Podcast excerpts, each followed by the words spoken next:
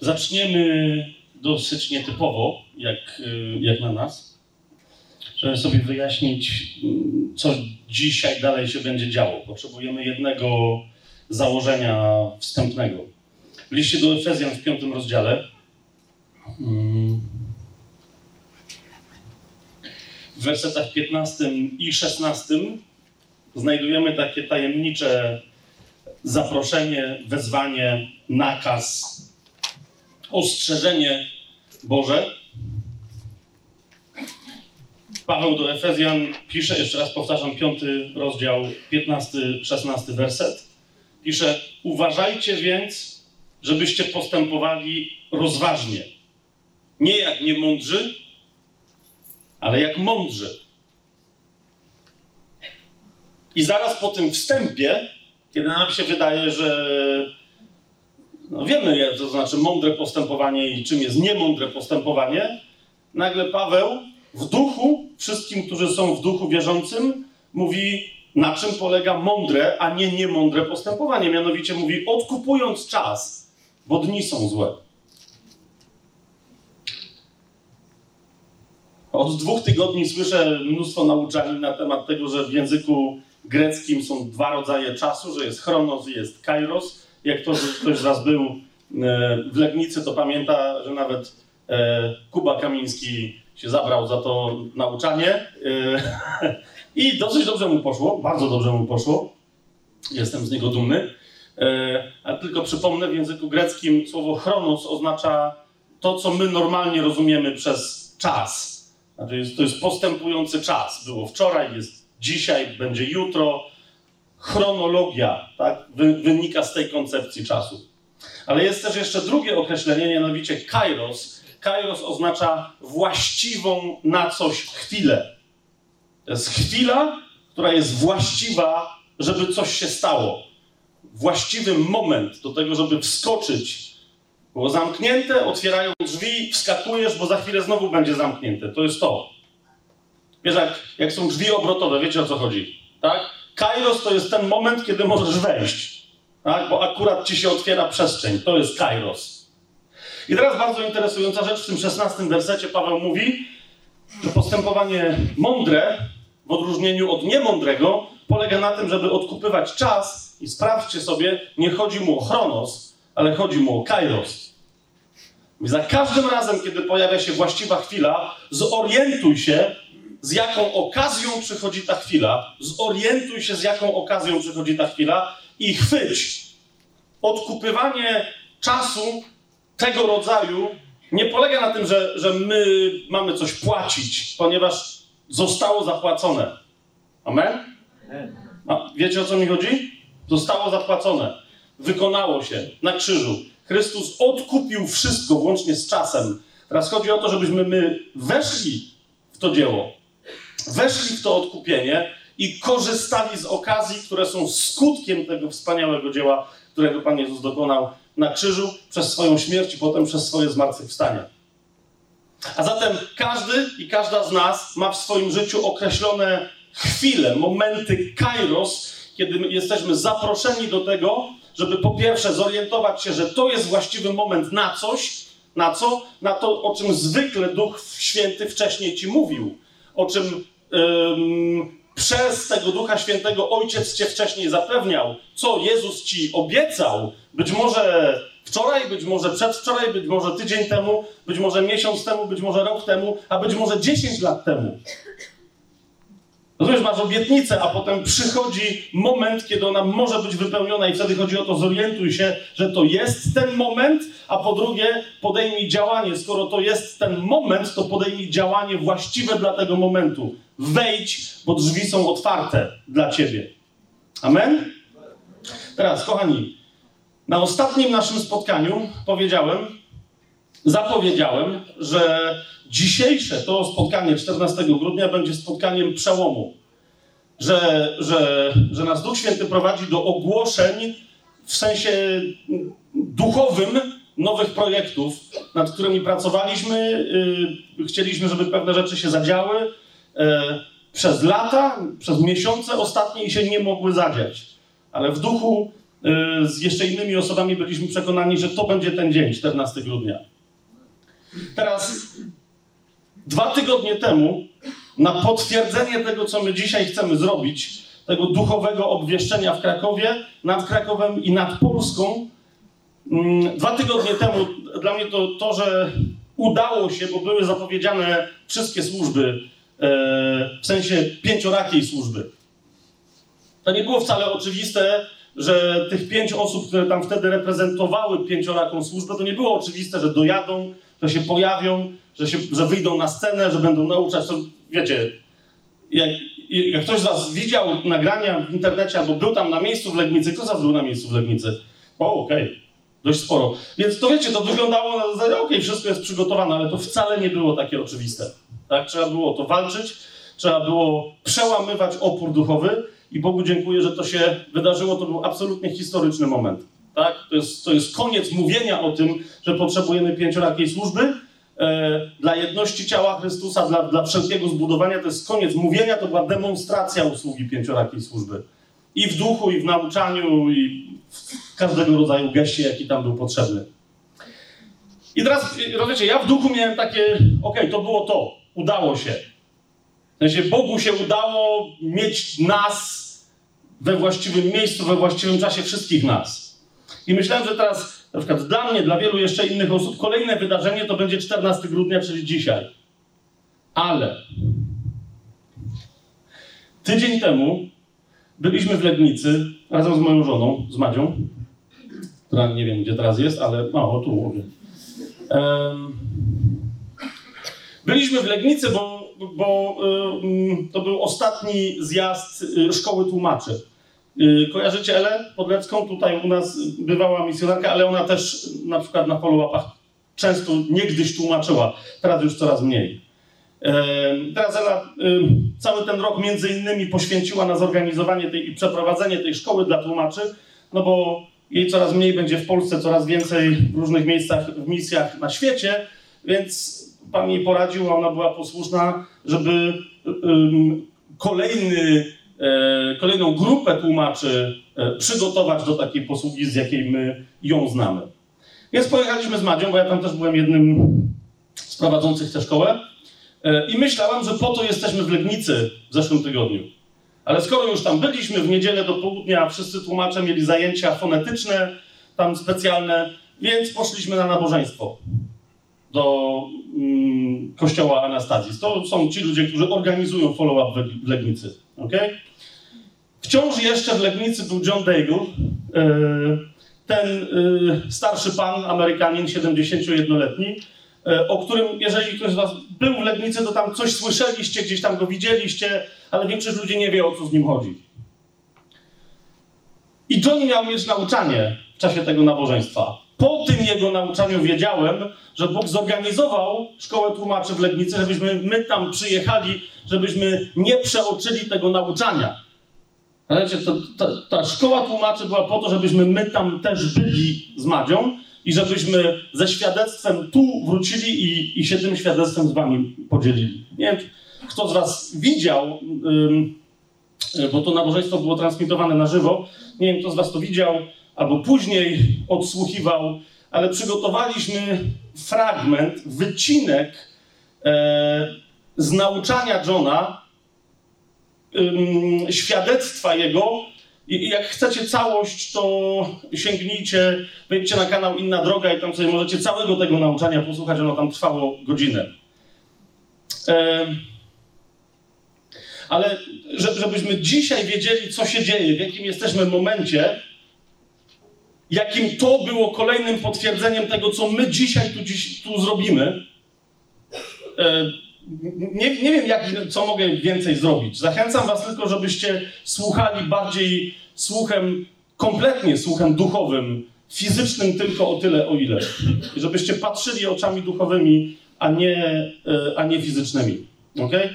Mnóstwo ludzi słuchało tego nauczania i mówię Wam, że tego świadectwa, które myśmy wycięli, to nie była jedyna istotna rzecz w tym nauczaniu tak? Ale tego istotnego dla całej Polski świadectwa, rozumiecie, ludzie słysząc, niektórzy w ogóle nie usłyszeli. A więc Duchu Święty, prosimy Cię, abyś Ty nam dzisiaj otworzył uszy duchowe, oczy duchowe. Prosimy Cię, żebyś posłał swoich aniołów do nas dzisiaj z uwolnieniem od wszelkiego rodzaju rozproszenia, z którym być może tutaj przyszliśmy dzisiaj, z uwolnieniem od tych wszystkich sił, które być może chciałyby zatkać nam swoimi brudnymi paluchami uszy, żebyśmy nie usłyszeli tego, co Ty dzisiaj chcesz, żebyśmy słyszeli.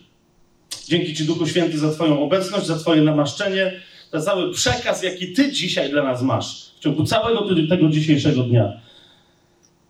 Jakiegokolwiek świadectwa, jakiegokolwiek nauczania, modlitwy, z jakąkolwiek będziemy się przez Ciebie w imieniu Jezusa do Ojca zwracać. Dzięki Ci, Duchu Święty, za całe Twoje dzisiejsze dzieło, które dla nas jest przejściem ku czemuś absolutnie nowemu, z dawien dawna w Polsce zapowiadanemu. Chcemy być tego uczestnikami, chcemy być całkowicie poddani Twojej woli. Amen. Najpierw zostawiam Was z Johnem. To jak długie jest to? To będzie jakieś 9-10 minut. A potem jeszcze, potem jeszcze dodam do tego krótki komentarz. Ale słuchajcie uważnie. Ten człowiek yy, w tym momencie tego swojego świadectwa, on już opowiedział o tym, że przyjechał do Polski i usługiwał w całej Europie Wschodniej na początku 90. lat. Dosłownie 2-3 lata po tym, jak, jak yy, yy, po naszym okrągłym stole, po tym jak runął mur berliński i tak dalej. To był jeden z pierwszych poważnych misjonarzy yy, na całym tym terenie, zakładający wiele szkół biblijnych i tak dalej, Przekonany absolutnie o tym, że Bóg ma wyjątkowe poruszenie duchowe przygotowane dla naszego kraju, też dla, wielu, dla naszego narodu, dla wielu innych krajów i narodów e, byłego bloku wschodniego. I teraz, no właśnie, co się stało w momencie, kiedy, kiedy myślał, że to już nadchodzi? This is June 1997. I to się dzieje w czerwcu 1997 I get on a train in Katowice at 5 in the morning. Więc o 5 rano wsiadam do pociągu na dworcu w Katowicach. I get here around 9:30 to the train station. Sorry? I, arri- I arrived at the train station in Legnica around I 9:30. około 9.30 jestem e, na dworcu w Legnicy. This is so funny. I have the paper address on a piece of paper. Mam e, zapisane nazwisko i adres na, na kartce papieru. I walk to a taxi Podchodzę do and taksówkarza. I show him the address Pokazuję mu to ten drive me to the church, Henry Cappuccino. You know, I asked him to, to drive me to this address. I proszę taksówkarza, żeby zabrał mnie pod ten adres. He looks at me like, "Are you are you whoopee? Are you?" On patrzy na mnie tak jakby sobie myślał, no co ty, zgubiałeś? Ja mam cię, goes, mam cię zawieść? you know, it's right there On around mówi, the corner. tutaj, to jest za rogiem, 10 metrów.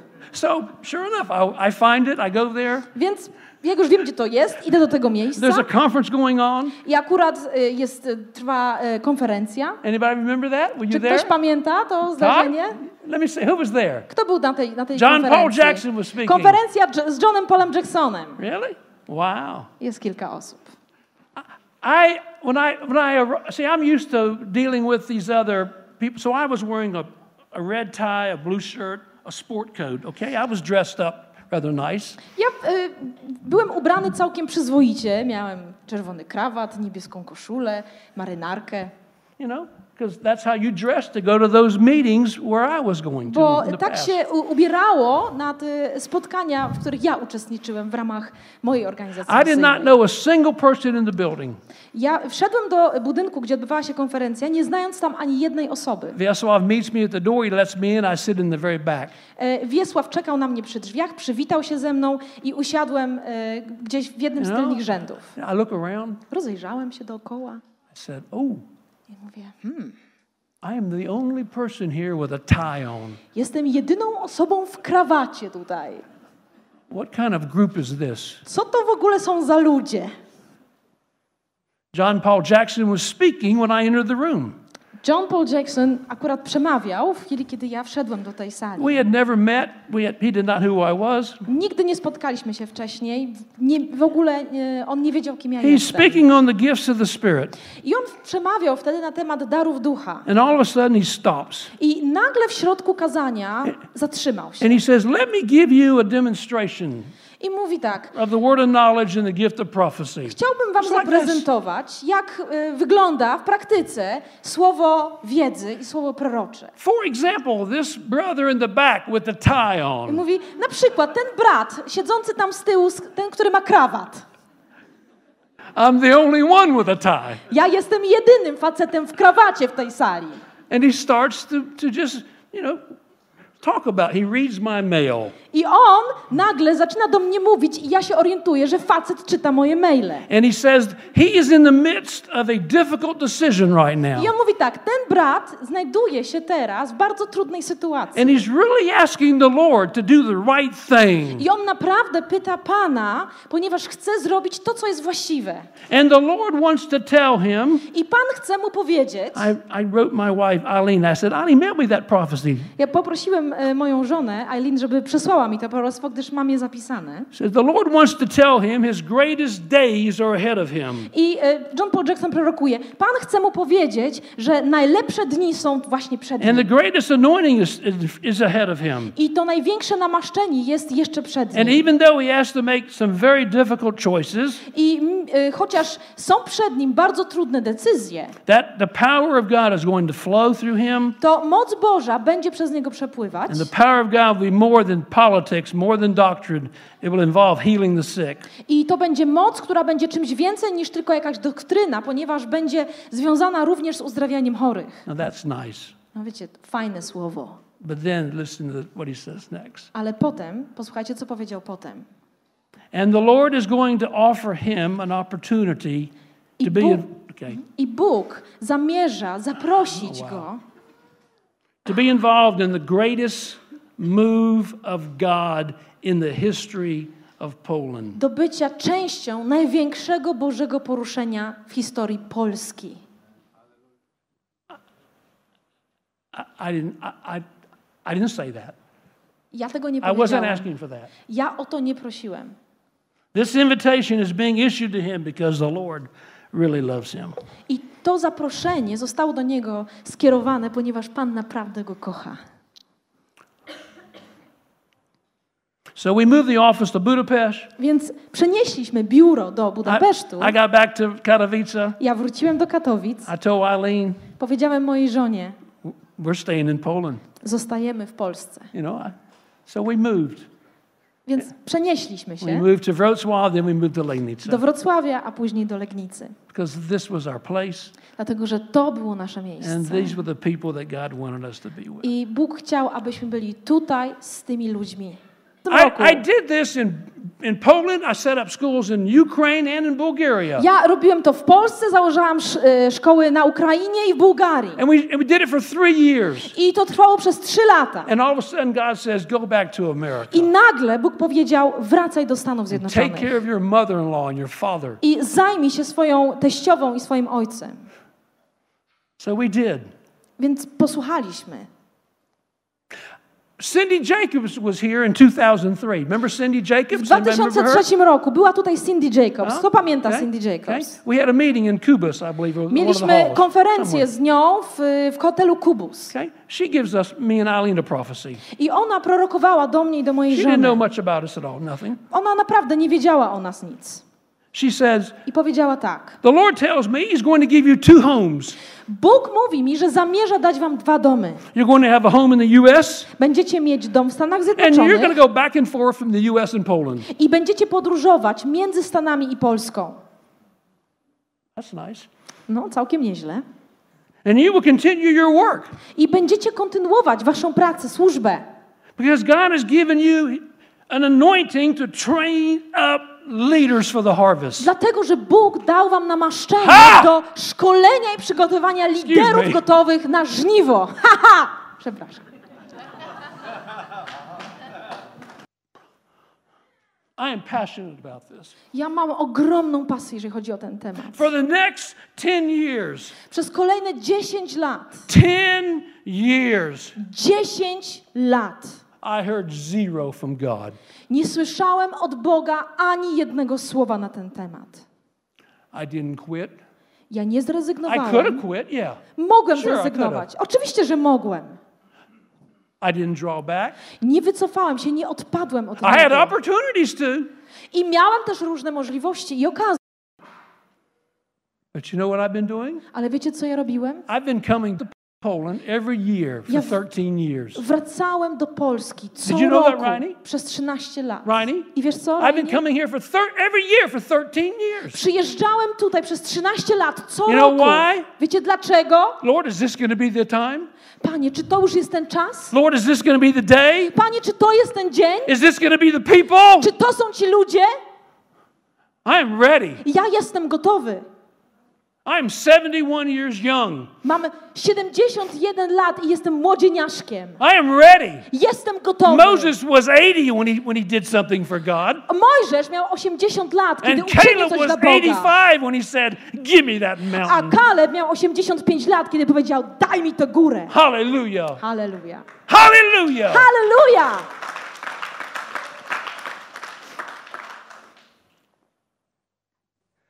Ronnie and I started talking about this school about two years ago. Jakieś dwa lata temu razem z Rainim zaczęliśmy rozmawiać o tej szkole. You know, because God was speaking to him and part of the others' leadership here. Dlatego, że Bóg mówił do Rainiego i też do innych osób z przywództwa właśnie na temat takiej No. szkoły. And so, you know, I was very attentive to hear, okay, what's God doing here now? I dlatego ja słuchałem bardzo uważnie tego, co Bóg tutaj teraz mówi.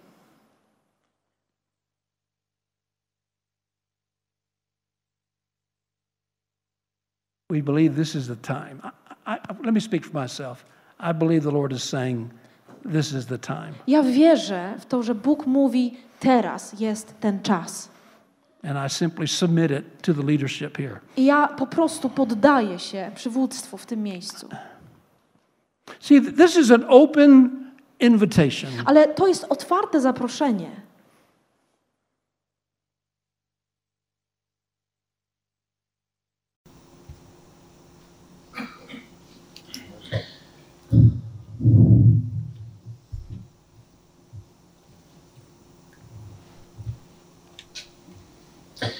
Dwa tygodnie temu w Legnicy na, follow-upie wspomniałem tylko krótko, i to był już kolejny raz, kiedy o tym wspominałem w ciągu ostatnich paru miesięcy, że dziwną rzeczą jest zniecierpliwienie niektórych, gdy chodzi o przebudzenie. Mike Bickle powiedział, że różnie się mierzy różne modlitwy w sekundach, w minutach, w godzinach, ale mówi, modlitwę o przebudzenie mierzy się w dekadach, w dziesięcioleciach. Byśmy mieli pokolenia w Polsce. Jak się ostatnio temu dobrze przyjrzałem, to w zasadzie począwszy od ruchów przebudzeniowych na początku XX wieku, mieliśmy ludzi, którzy się modlili o potężne przebudzenie w tym kraju, o potężne przebudzenie tego narodu, duchowe przebudzenie. Uwolnienie z jakichkolwiek okowów demonicznych, religijnych, ekonomicznych. Modlili się przez dziesięciolecia i umierali, nie widząc nawet jednej jaskółeczki pojawiającej się, która by dawała znak, że oto nadchodzi wiosna. Przez dziesięciolecia.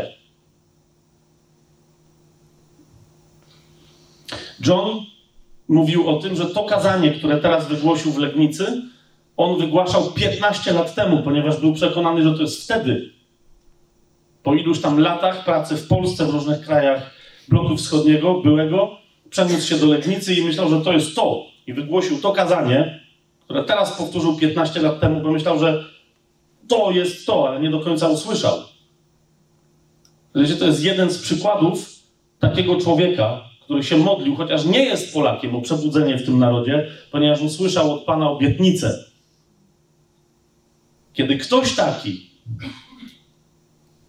Brat Zenon powiedział, że e, są różne świadectwa na ten temat, ale świadectwo Johna o tym, że przez 10 lat, dosłownie przez jedną dekadę, po tym jak widział, co się będzie działo, wiedział, co się będzie działo, słyszał wiele proroctw, wizji na ten, na ten temat, jak 10 lat się Bóg do niego nie odzywał w tym temacie, bo to nie znaczy, że Bóg się w ogóle do niego nie odzywał. Jak Bóg się do niego nie odzywał, a on wracał do naszego kraju rok w rok, ponad 10 lat, tylko po to, żeby zapytać, Panie, czy to jest moment, na który między innymi mnie przeznaczyłeś, to to świadectwo, rozumiecie, powinno być przez nas mocno usłyszane w duchu. To jest człowiek, który mówi: Teraz jest czas. Czekałem na to całe swoje życie. Pan mi kilkanaście lat temu powiedział, że będę częścią największego Bożego poruszenia w Polsce i będę częścią tego poruszenia. I mówi: To jest ten czas. Przyjeżdżałem tu 13 lat i teraz mówię Wam, że to jest ten czas. On mówił o szkole, która będzie inaugurowana w przyszłym roku w wakacje. W sierpniu będzie trwała 6 tygodni, od początku sierpnia do połowy września, stacjonarnej szkole pięciorakiej służby. Myśmy taką szkołę zaczęli we wrześniu, ale u nas ona będzie trwać dwa lata, mm, ponieważ się odbywa w ramach y, co dwa miesiące w ramach zjazdów, co dwa miesiące y, i innego trochę programu. Ale teraz, rozumiecie, dla mnie to, co John tam wtedy powiedział, było niezwykle istotne ze względu na to, co my wiedzieliśmy, że mamy na dzisiaj przygotowane. Jako jeszcze jedno kolejne potwierdzenie pewnego duchowego aktu, ale też konkretnych e, naszych decyzji i przedsięwzięć, które chcemy e, zapoczątkować w Krakowie i być może jeszcze w wielu innych e, miejscach naszego kraju. To jest ten czas. Najbliższy rok, dwa, trzy to jest czas podniesienia się tego przebudzenia, o którym była mowa przez wiele, wiele, wiele lat.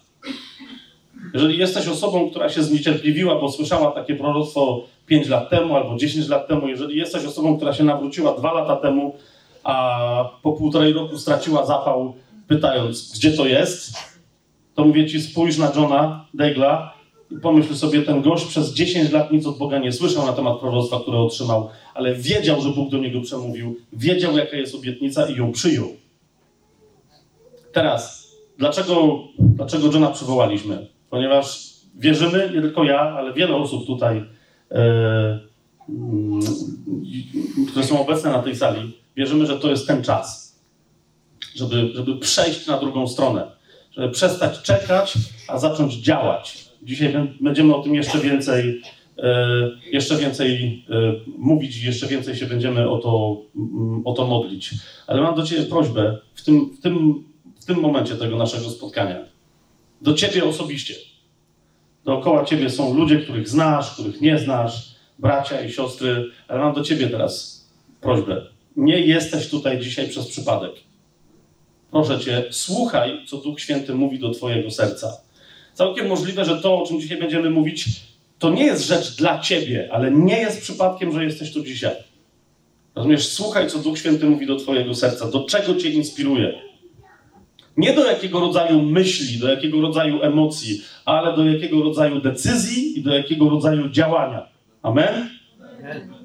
Słuchaj, co Duch Święty będzie dzisiaj do Ciebie mówić.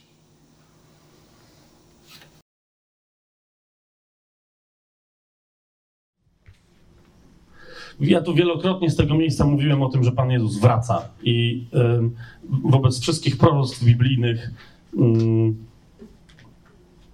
wskazywaliśmy sobie różne wydarzenia historyczne, które miały miejsce dopiero co, albo właśnie mają miejsce teraz, które wyraźnie potwierdzają, że Pan Jezus jest naprawdę coraz bliżej, bardzo, bardzo, bardzo blisko. Zanim On wróci na ziemię, przed Jego powrotem, Słowo Boże mówi, że, że cała ziemia zostanie poddana uciskowi, jakiego ten świat nie widział. Od samego początku nie widział takiego ucisku takiego prześladowania. Ale zanim ten ucisk nadejdzie, być może, że on też będzie pewnego rodzaju reakcją, ostatnią reakcją sił zła na wielkie żniwo. Żniwo ostatniego deszczu, który ma być wylany na ziemię, aby mogły być zbawione miliony, a nawet miliardy ludzi na ziemi w bardzo, bardzo, bardzo krótkim czasie. Fala przygotowująca, duchowa, przygotowująca to wydarzenie, ona narasta i nie ma dziś na świecie ani jednej biblijnie wierzącej, służącej Jezusowi jako Panu osoby, która by w duchu tego nie doświadczała. Amen? W taki czy inny sposób. Wszyscy chodzimy w świadomości oczekiwania, że naprawdę coś nadchodzi. I mówimy, Maranata, przyjdź Panie Jezu, ale wiemy, że zanim On przyjdzie, właśnie, jeszcze się wydarzą rzeczy. Jednym yy, z wydarzeń związanych z tym ostatecznym żniwem, żniwem jest przebudzenie w Polsce.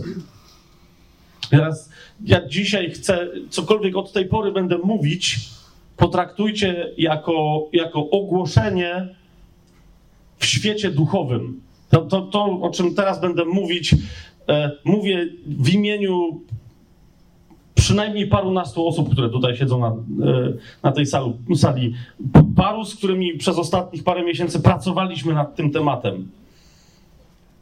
Ogłaszam to w świecie duchowym, a więc, a więc wszędzie będzie wiadomo to, co tu dzisiaj ogłosiliśmy. Nie tylko to ogłaszam, bo to rozumiecie, ja nie, nie chcę teraz robić takiej rzeczy, że coś ogłaszam i, i mamy nadzieję, że coś się stanie. Ogłaszam coś, co zamierzamy zacząć robić, ponieważ Pan nas do tego wzywa. Teraz, żeby to, żeby to wyjaśnić, bo już słyszeliśmy Johna sprzed tygodnia yy, nagranie ogłaszającego, że teraz jest ten czas. On kilkanaście lat czekał na to, przekonany 15 lat temu, że wtedy był czas. Teraz mówi: Okej, okay, teraz jest ten czas i to jest ten czas, i mówię wam. Wtedy tego nie ogłosił, teraz to ogłosił. Przychodzi czas przebudzenia. I tak jak powiedziałem, najbliższe 2-3 lata to będzie, to będzie czas, do którego Pan nas wielokrotnie zapraszał, a to zaproszenie teraz zamienia się w konkretne pytanie, czy się chcesz przyłączyć do mnie. Czy chcesz, żebym cię zaangażował? Czy chcesz, żebym cię namaścił? Czy chcesz, żebym cię postawił w określonym mie miejscu frontu, który właśnie otwieram? I któremu nikt nie będzie w stanie się przeciwstawić, duchowego frontu. W ciele być może ktoś się przeciwstawi, ale w duchu nikt nie będzie się w stanie przeciwstawić, ponieważ Pan Jezus ma władzę na niebie i na ziemi. Amen? Amen. Okej. Okay. Więc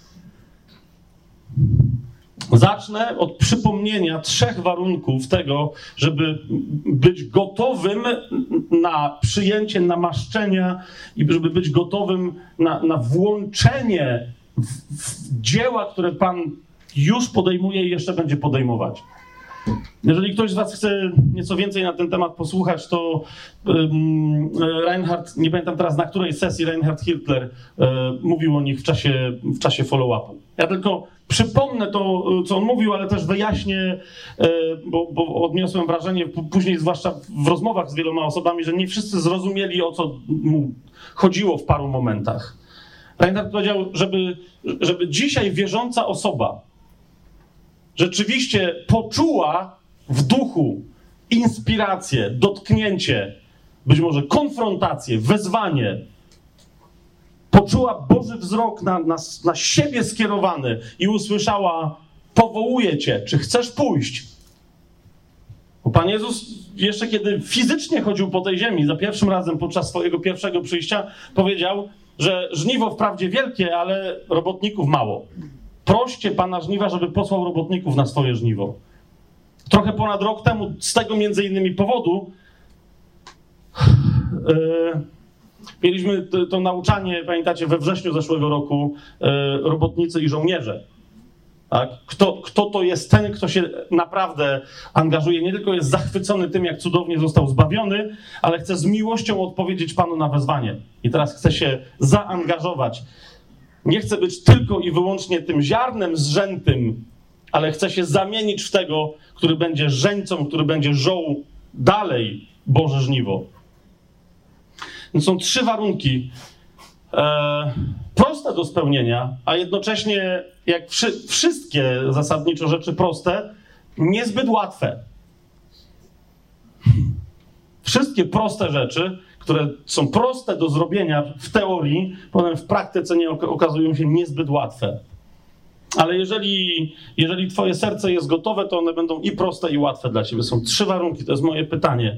Czy Ty te warunki spełniasz?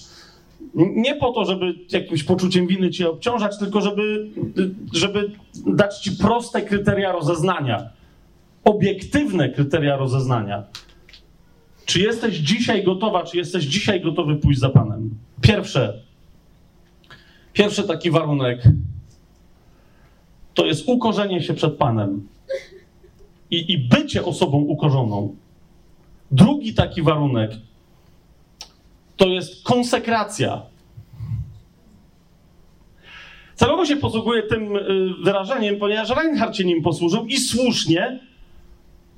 My żyjemy wciąż jeszcze w rzymskokatolickim kraju, w którym ta religia jest wciąż jeszcze dominująca, więc konsekracja ma swoje tam jakieś znaczenie, ale wróćmy do oryginalnego znaczenia tego słowa biblijnego i zaraz sobie o nim więcej powiemy. A więc pierwszym warunkiem jest ukorzenie się przed Panem i bycie osobą ukorzoną. Drugie to jest konsekrowanie się dla Pana i bycie osobą konsekrowaną. A trzecie to jest poddanie się Panu i pozostanie osobą poddaną. Amen? Okej, okay. co to znaczy? Po pierwsze, ukorzenie się przed Panem. Słowo Boże y, zasadniczo mówi, że powinniśmy być uniżeni przed Panem y,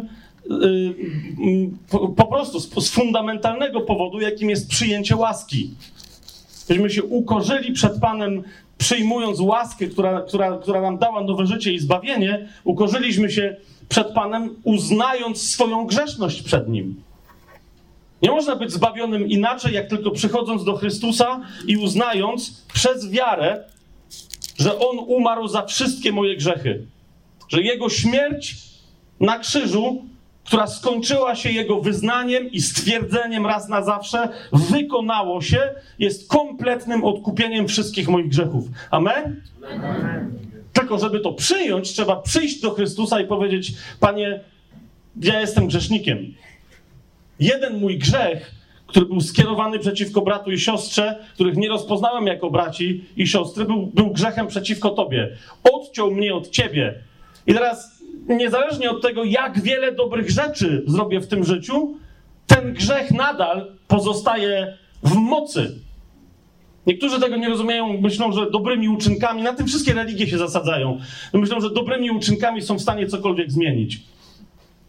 Wyobraź sobie, że, że pod normalnym ludzkim prawem, nie pod boskim, ok? Wyobraź sobie, że, że, że kiedyś zamordowałaś albo zamordowałeś jakąś osobę. Nikt nie wie, że to ty, ale cię ścigają. I teraz ty próbujesz odkupić ten swój grzech, ty próbujesz odkupić ten swój grzech i teraz stajesz się dobrą osobą.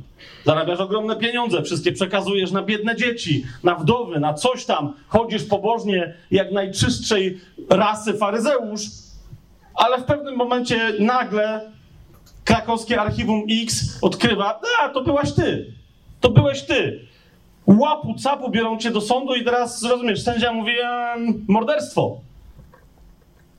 I ty mówisz, ale y, wysoki sądzie, ja to rozumiem, ale przez ostatnie 20 lat od momentu, jak popełniłem tamto morderstwo zasadnicze, byłem bardzo dobrym człowiekiem.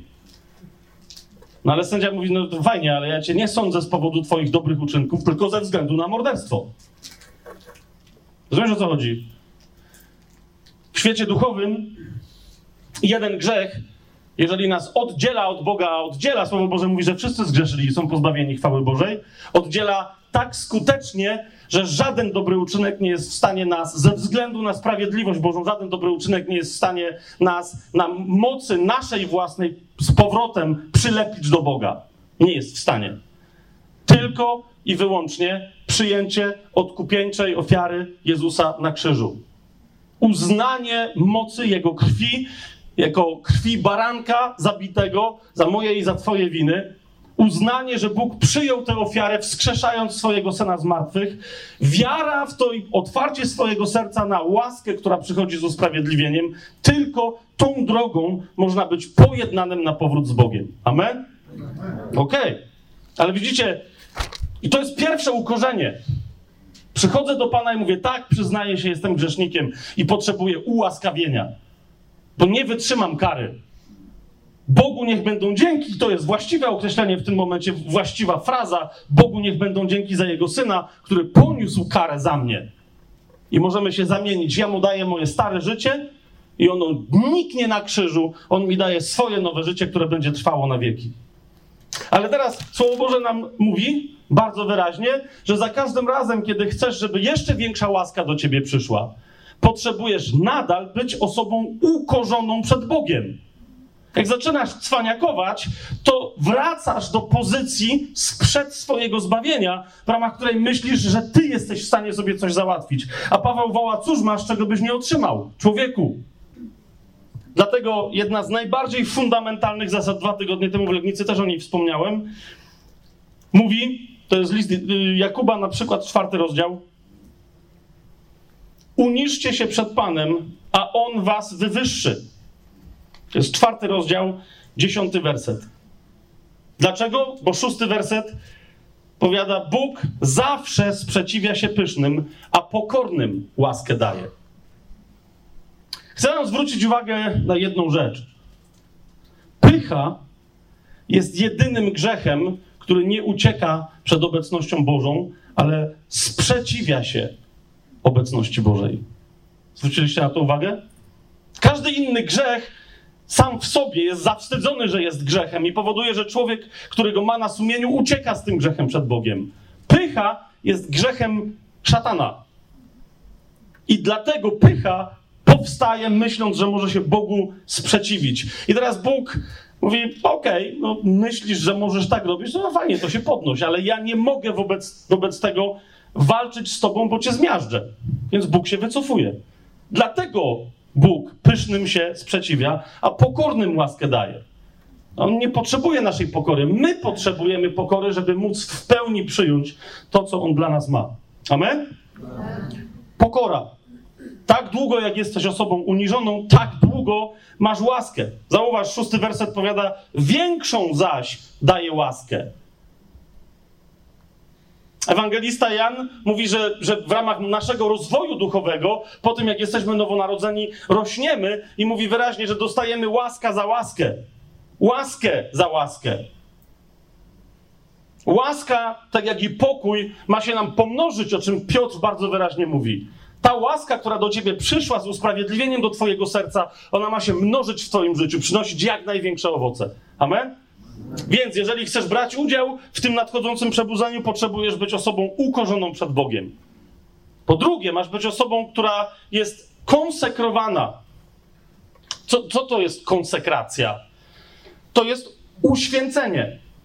To jest poświęcenie się dla Boga. Co ono oznacza? Dlaczego mówimy konsekracja?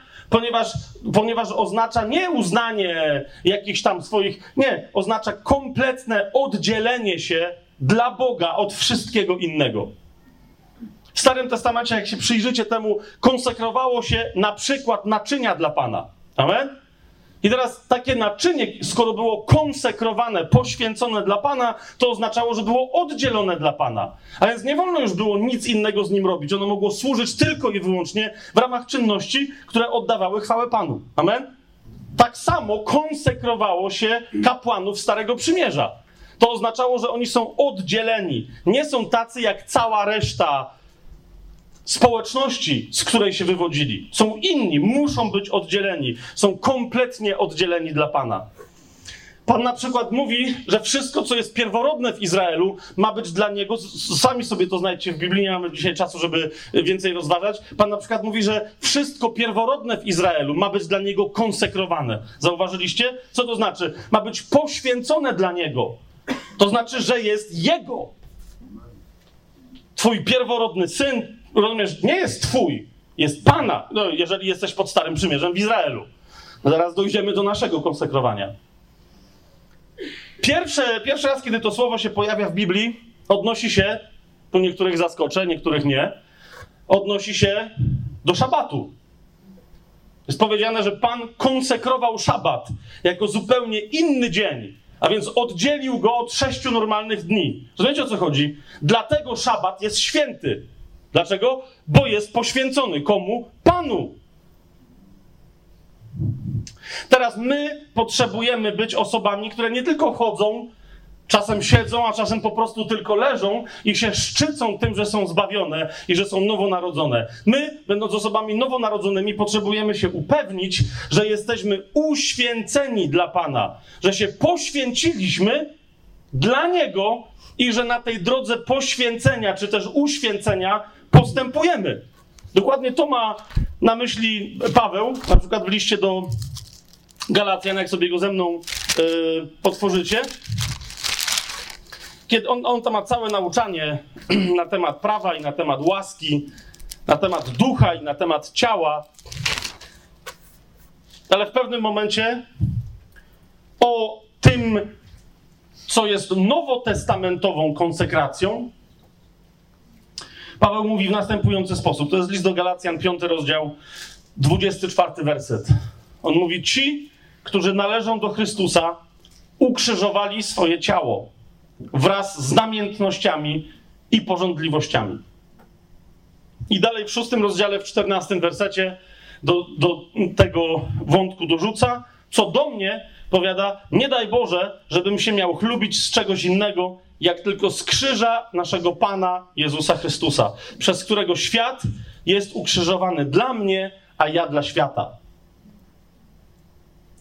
Człowiek konsekrowany to nie jest człowiek, który jest tylko zbawiony, przez wiarę przyjął usprawiedliwienie z łaski, przeszedł chrzest wodny, przeszedł nawet chrzest Duchem Świętym, posługuje tam jakimiś darami i tak. Człowiek autentycznie chodzący w duchu, człowiek, który działa z ducha, nie po tym go rozpoznajemy, że posługuje jakiegokolwiek rodzaju mocą, albo że ma jakiekolwiek dobre samopoczucie w odniesieniu do samego siebie, ale rozpoznajemy go po tym, że nie idzie za porządliwością ciała. A to jest możliwe tylko i wyłącznie przez wierność temu, na co się zdecydowaliśmy w chrzcie wodnym, w którym powiedzieliśmy: Od tej pory dalej będę chodzić w tym ciele, ale to ciało jest dla mnie jak martwe.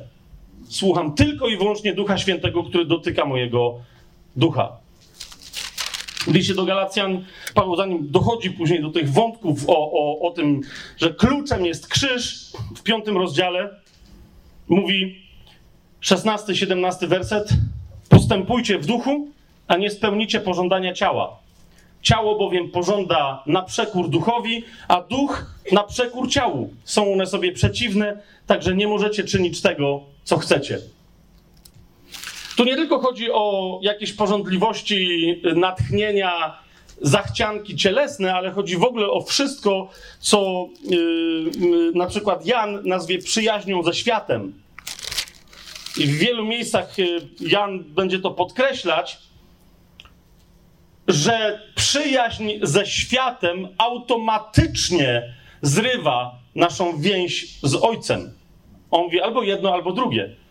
To jest, bo, bo, jeżeli ty jesteś konsekrowaną osobą, wchodzisz na drogę uświęcenia, która ma służyć i, i, i tylko i wyłącznie Panu, a następnie zaczyna ci się podobać coś w świecie i tam zaczynasz jakiś swój flircik, to jest tak, jakby wziąć święte naczynie ze świątyni starotestamentowej i na chwilę raz w miesiącu wypożyczać je do jakichś, niekoniecznie z berezeństw, ale żeby se ktoś, wiecie, skorzystał w ramach rodzinnej kolacji z ekstra naczynia. Jeżeli jeszcze do niektórych z was nie dociera, to zrozumiecie, to jest tak, jakby być żonie wiernym tylko na 99% albo mężowi. Nie wiem, jak tam wasza częstotliwość pożycia małżeńskiego, ale to oznacza, że na 99 momentów, kiedy się kochasz z żoną, raz się kochasz z kimś innym. Rozumiecie? Albo jesteś całkowicie oddany, kompletnie wierny, albo jesteś niewierny. I nie ma nic do rzeczy, że e, to jest tylko raz na 100, raz na 99. To nie. Albo jesteś, albo nie jesteś. W pierwszym liście Jana, w, drugim rozdziale, w 15 wersecie, Jan nam nie pozostawia co do tego żadnych wątpliwości. On mówi, my zawsze chcemy coś od Boga, krzyczymy, Panie, to, tamto, w krzyżu wszystko mamy wysłużone, no to się wszystko zgadza. Ale jeżeli zaczynasz flirtować ze światem i nie spodziewasz się wszystkiego od Ojca, od Niego tylko sporo rzeczy, ale reszty nadal spodziewasz się ze świata, to znaczy, że nadal jesteś w dobrym układzie ze światem. Wtedy się nie dziw, że Ojciec ci nic nie może dać.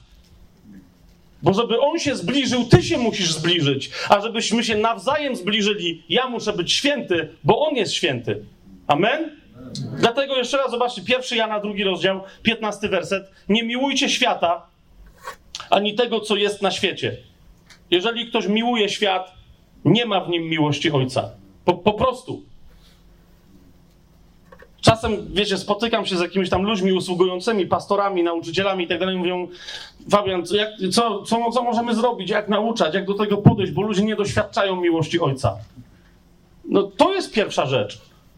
miejmy wreszcie odwagę w, naszych społecznościach, w kościołach, w zborach, w całych denominacjach powiedzieć sobie prawdę w oczy.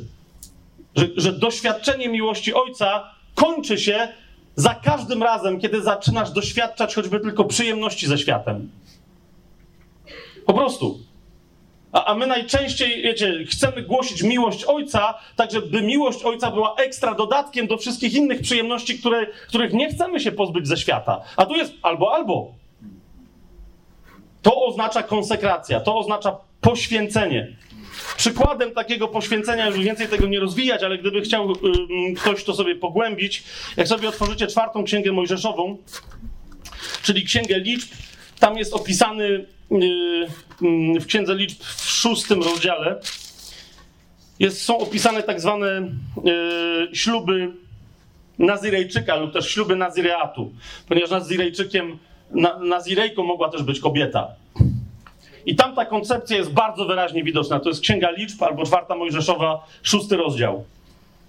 Od, od, pierwszego wersetu będę czytał. I Pan powiedział do Mojżesza: Przemów do synów Izraela i powiedz do nich, gdy mężczyzna albo kobieta złoży szczególny ślub Nazirejczyka, aby się poświęcić Panu, i tam są potem warunki, co ona musi robić, albo on. Niech się powstrzyma od wina i mocnego napoju, nie będzie pić i tak dalej, i tak dalej, i tak dalej. I teraz zauważcie, co jest powiedziane w ósmym wersecie. Tam jest powiedziane, dobra, co się stanie, jeżeli złamią te śluby, to nie jest nieistotne. Zobaczcie, że od początku w Biblii ktoś, kto jest święty, jest oddzielony dla Boga. Czy to będzie naczynie, czy to będzie kapłan, czy to będzie dzień, tak samo Nazirejczyk. Ósmy werset. Przez wszystkie dni swojego oddzielenia będzie święty dla Jahwe. Widzicie to? Tak długo, jak jesteś oddzielony, oddzielona od świata, jesteś w jedności z Ojcem, wtedy wiesz, że, że trwasz na drodze uświęcenia. Jesteś święta, jesteś święty przez fakt usprawiedliwienia z łaski, ale możesz też doświadczać tej świętości w duszy i w ciele także. Ale warunkiem jest oddzielenie. Mateusz, później nie będę teraz tego wątku rozwijał, mówi wyraźnie, że absolutnie doskonałym, ostatnim, najwspanialszym Nazirejczykiem był Nazareńczyk. I on się zresztą bawi tam tym słowem, tak? Mówi Jezus z Nazaretu był Nazirejczykiem, Nazareńczykiem. To był człowiek od początku do końca, kompletnie oddzielony i poświęcony dla Pana. I ostatnia wreszcie rzecz to jest poddanie. Poddanie, wydawałoby się prosta sprawa, oznacza nie tylko wyznawanie ustami, ale realizowanie w całym swoim życiu prostego wyznania, że Jezus jest moim Panem. To, to, jest, to jest tylko tyle. Myśmy o tym wielokrotnie przez ostatnie miesiące, w zasadzie dwa lata, wielokrotnie o tym mówiliśmy, z różnych stron do tego podchodziliśmy. Co to znaczy, że Jezus jest Panem? To znaczy, że ja nie jestem Panem. Co to znaczy, że Jezus jest Panem? Jeszcze raz powtórzę. To znaczy, że ja nie jestem Panem czegokolwiek w swoim życiu. Ja nie jestem Panem samego siebie. Jezus jest Panem. Co to znaczy? To, że Ty nie jesteś Panem, ani Panią. My jesteśmy, wiecie, mówimy o tym i mówimy i mówimy, my jesteśmy biali. Z całym szacunkiem do mniej białych tu na tej sali. Tak, ale jesteśmy wychowani w białej kulturze. I nie jest żaden rasistowski komentarz, wybaczcie mi to. Chodzi o to, że my jesteśmy biali. Biali ludzie mają jeden problem, który zasadniczo uważają za cnotę. Sęk w tym, że kiedy chrześcijanin biały dalej uważa, że to jest cnota, to to jest zwiedzenie. Wiecie, że nienawidzę tego słowa. Ale w tym konkretnym przypadku musimy się nim posłużyć. Otóż czy to będzie Europa, czy to będzie Ameryka Północna, czy to będzie Australia, zasadniczo wszędzie, gdzie cywilizacja wynika z białych korzeni, i, i ja dlatego nie chcę mówić, wiecie, z chrześcijańskich korzeni, bo to jest bzdura, gdzie wynika z białych korzeni, wszędzie tam cnotą jest indywidualna niezależność. Kochani, niezależność w Biblii wszędzie jest grzechem indywidualna niezależność wszędzie w Biblii jest grzechem. W momencie, kiedy zaczyna się niezależność, to też jeżeli ja jestem niezależny, to jestem, to nie chodzi o to, że jestem niezależny od ciebie. Przede wszystkim jestem niezależny od Boga. Rozumiesz o co chodzi? I teraz ta niezależność powoduje wszystkie inne formy niezależności, ale my je kultywujemy. Nawet kiedy głosimy Jezusa jako Pana, zauważcie, jak wiele osób, na przykład w, w, zasadniczo słusznym nauczaniu na temat tożsamości Chrystusowej, na temat tożsamości syna, a więc co to znaczy, że ja mam tożsamość syna? Ja jako mężczyzna, ale też ty jako kobieta. Zrozum, masz tożsamość syna Bożego. To rozumiecie, cała, cała Azja pyta się, kiedy słyszy i dociera do Azji, wow, masz tożsamość syna, cała Azja pyta, wow, to jakie w związku z tym ja mam obowiązki? Biały człowiek, biały chrześcijanin, jak się dowiaduje, że ma tożsamość syna, pyta się, wow, to co ja z tego mam? Jakie mam w związku z tym prawa? Jakie mam moce? Co mi przysługuje jako synowi? Mhm. Co ja z tego mam, że Jezus jest Panem? To jest klasyczna postawa chłopa, który zagłosował na Andrzeja Dudę, a teraz ma do niego jakieś pretensje. Bo myślał, że on mu coś załatwi. Teraz mu nie załatwia. Mm. Tak niektórzy wyznali, że Jezus jest Panem. Zagłosowali na niego na chwilę jako na swojego prezydenta. Nie, Jezus nie ma niczego wspólnego z demokracją. To jest monarcha. A Królestwo Boże jest monarchią absolutną. Dobra nowina. Zatem poddanie się jest autentycznie kompletnym poddaniem się. Rozumiesz? Poddaniem się. Wchodzą Niemcy, z całym szacunkiem naprawdę do Niemców, chociaż bardziej wolę Austriaków, ale no okej. Okay. Eee, wchodzą Niemcy i mówią Hände hoch, czy co oni tam gadali, tak? I ty masz do wyboru, albo się rzucisz na nich i być zastrzelonym, albo się poddajesz. Rozumiesz o co chodzi? To jest dokładnie to. Poddanie się woli Bożej jest dokładnie poddaniem się. Owieczka, którą prowadzą na rzeź, ona się poddaje. Ona nie walczy, ona nie rozumiesz, łza jej może popłynie, ale ona się poddaje. Mówi, okej, okay, podcinacie mi, okej, okay, pod, podcinajcie. Ona się poddaje. Człowiek, który cały czas jeszcze nie jest w ten sposób poddany woli Ojca przez monarchę, jakim jest Jezus w Duchu Świętym, de facto cały czas ma skrzywiony, fałszywy, pogański obraz Ojca. I musisz się z tym skonfrontować. Rozumiesz?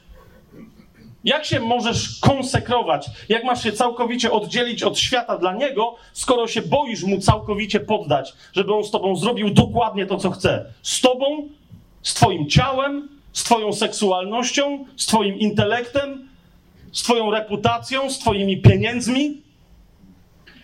Przekażę wam szybki test, jak się upewnić, że jesteś poddany albo że jesteś poddana woli Ojca, że jesteś osobą poddaną, a więc że spełniasz warunek, który cię dopuszcza do namaszczenia w przebudzeniu. Dam ci teraz trzy pytania i teraz zrozumcie, nie cwaniakuję, ale mieliśmy w pewnym momencie taki ponad tydzień temu z Madzią dokładnie taki test, że, że mojej żonie i mnie zostały zadane te pytania i przyjąłem je i mnie poturbowały, ale są boskie. Pierwsze pytanie. Czy są jeszcze jakieś sytuacje, jakiekolwiek w Twoim życiu? Teraz mówię tylko i wyłącznie do nowonarodzonych, biblijnie wierzących chrześcijan, tak? Żeby nie było, że ja się wszystkich o to pytam. No to nie, nie. Ale dla Ciebie, jako dla duchowej osoby, powinno to być kompletnie zrozumiałe. Czy są jeszcze w Twoim życiu jakiekolwiek sytuacje, w których chcesz rządzić? Nieważne kim. Czy w ogóle mężu naprawdę nie masz żadnej sytuacji, żadnej pokusy, żeby porządzić swoją żoną? A żony, co się teraz niektóre uśmiechają, a niektóre mówią, okej, okay, dobrze, może mu się dostało. Pytam się, aha, a ty nie masz czasem pokusy, żeby porządzić nim, udając, że jesteś uległa? Nie chcę nikogo absolutnie urazić, rozumiesz? To nie jest. Nie chcę tu wzbudzać poczucia winy, tylko chcę, żebyśmy naprawdę oczyścili nasze podejście do tego tematu. Czy nie ma w Twoim życiu takich sytuacji, w których Ty chcesz rządzić, w których Ty chcesz zarządzać, na przykład swoim majątkiem, hmm? na przykład swoją karierą?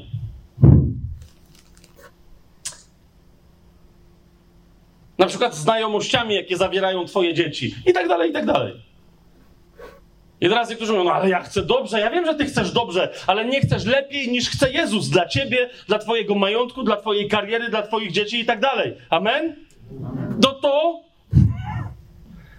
jeżeli dalej chcesz rządzić, to znaczy, że nie jesteś w pełni poddana czy w pełni poddany. Dalej uważasz, że ty masz jednak lepsze pomysły niż Jezus na swoje życie. Uważaj, drugie pytanie. Jak to był hardcore, to teraz dopiero idziemy. Drugie pytanie. Czy są jeszcze takie momenty w Twoim życiu, w których zależy Ci na szacunku?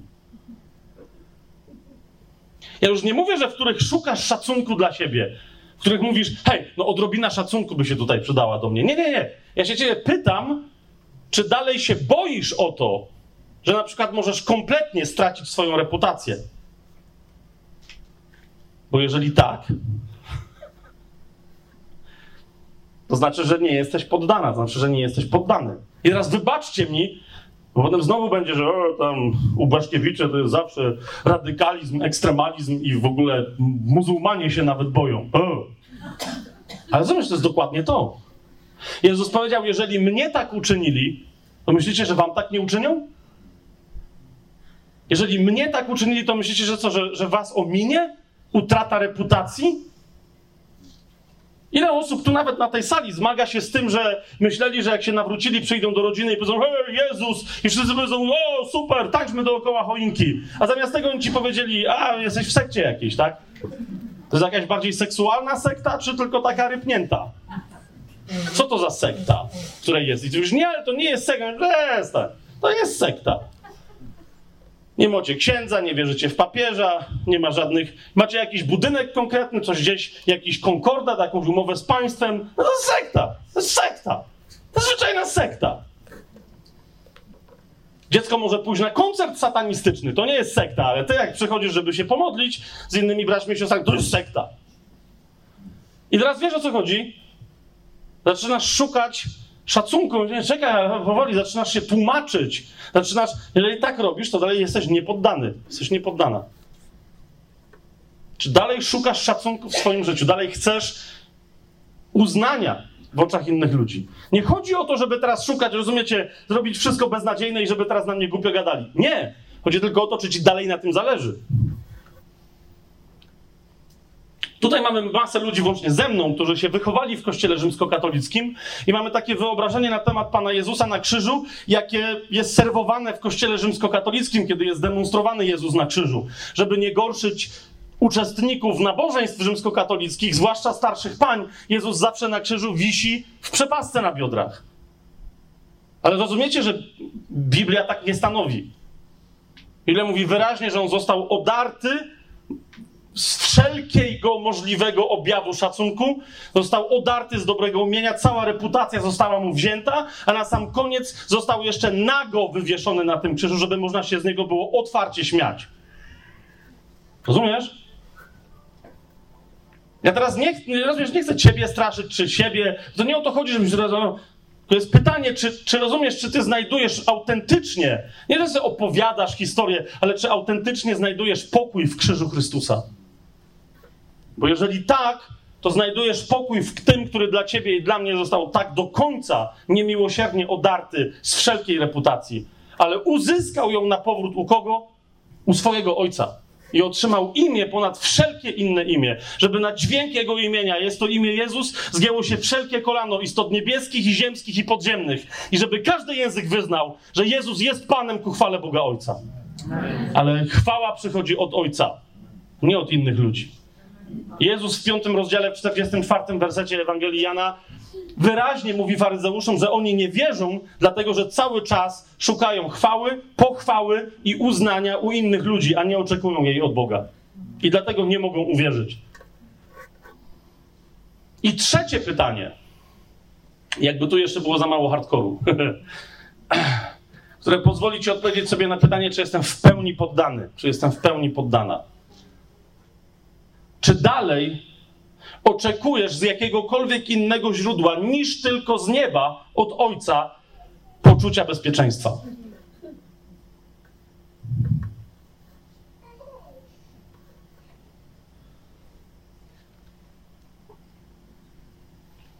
Twoje pieniądze na koncie czemu mają służyć w Twoim życiu? Oszczędności czemu mają służyć w Twoim życiu? I teraz niech potem nikt do mnie w przerwie nie przychodzi i nie mówi, że oszczędności mają sens. Oszczędności oczywiście, że mają sens, pod warunkiem, że Bóg Ci powie, że masz oszczędzać. Powie Ci, ile masz odkładać, a potem te pieniądze Ci weźmie, bo będą mu potrzebne. A jeżeli Ty będziesz potrzebować, to Ty też dostaniesz. Ponieważ na tym polega ekonomia królestwa. Na tym polega ekonomia królestwa.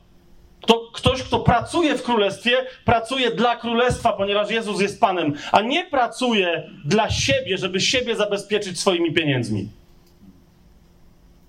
Doktor Yonki Cho tak się kiedyś ucieszył, że królestwo jest fascynujące, ponieważ dostał dom wart chyba 2,5 miliona, miliona dolarów w Korei Południowej.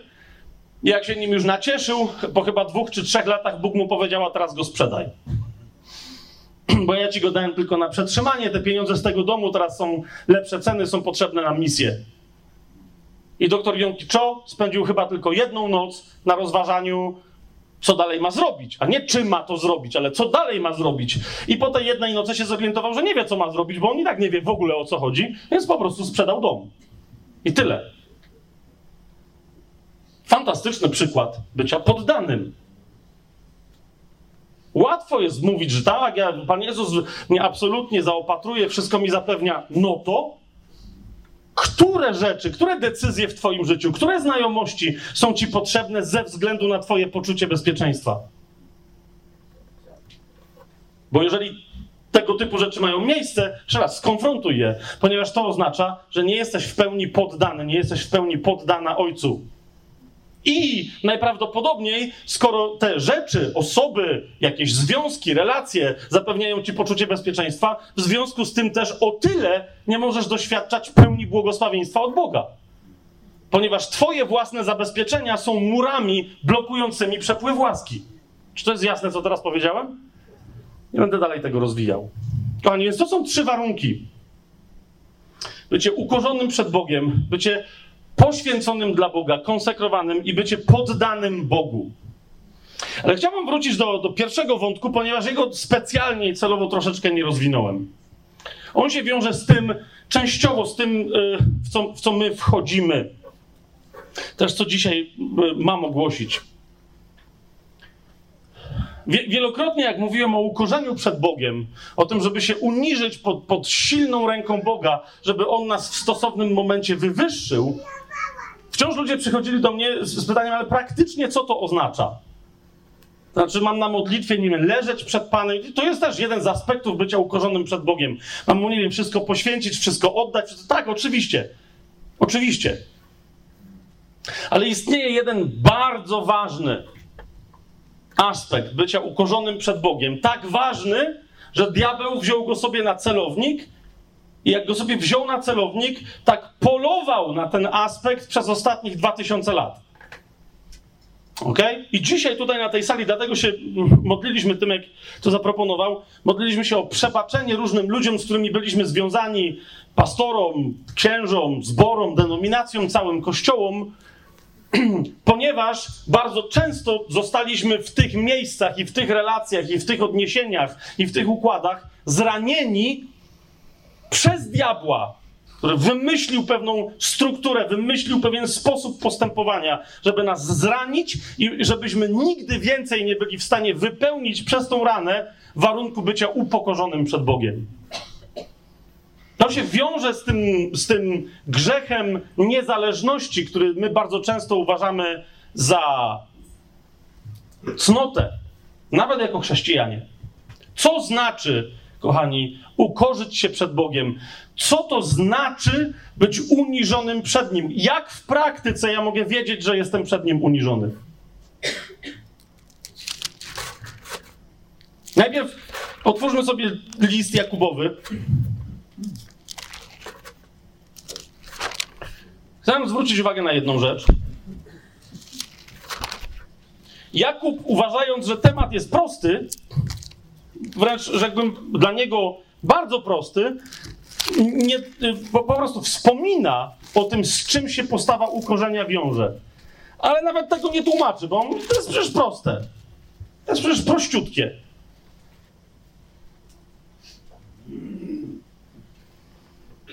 W liście Jakubowym w czwartym rozdziale, jeszcze raz e, przypomnę,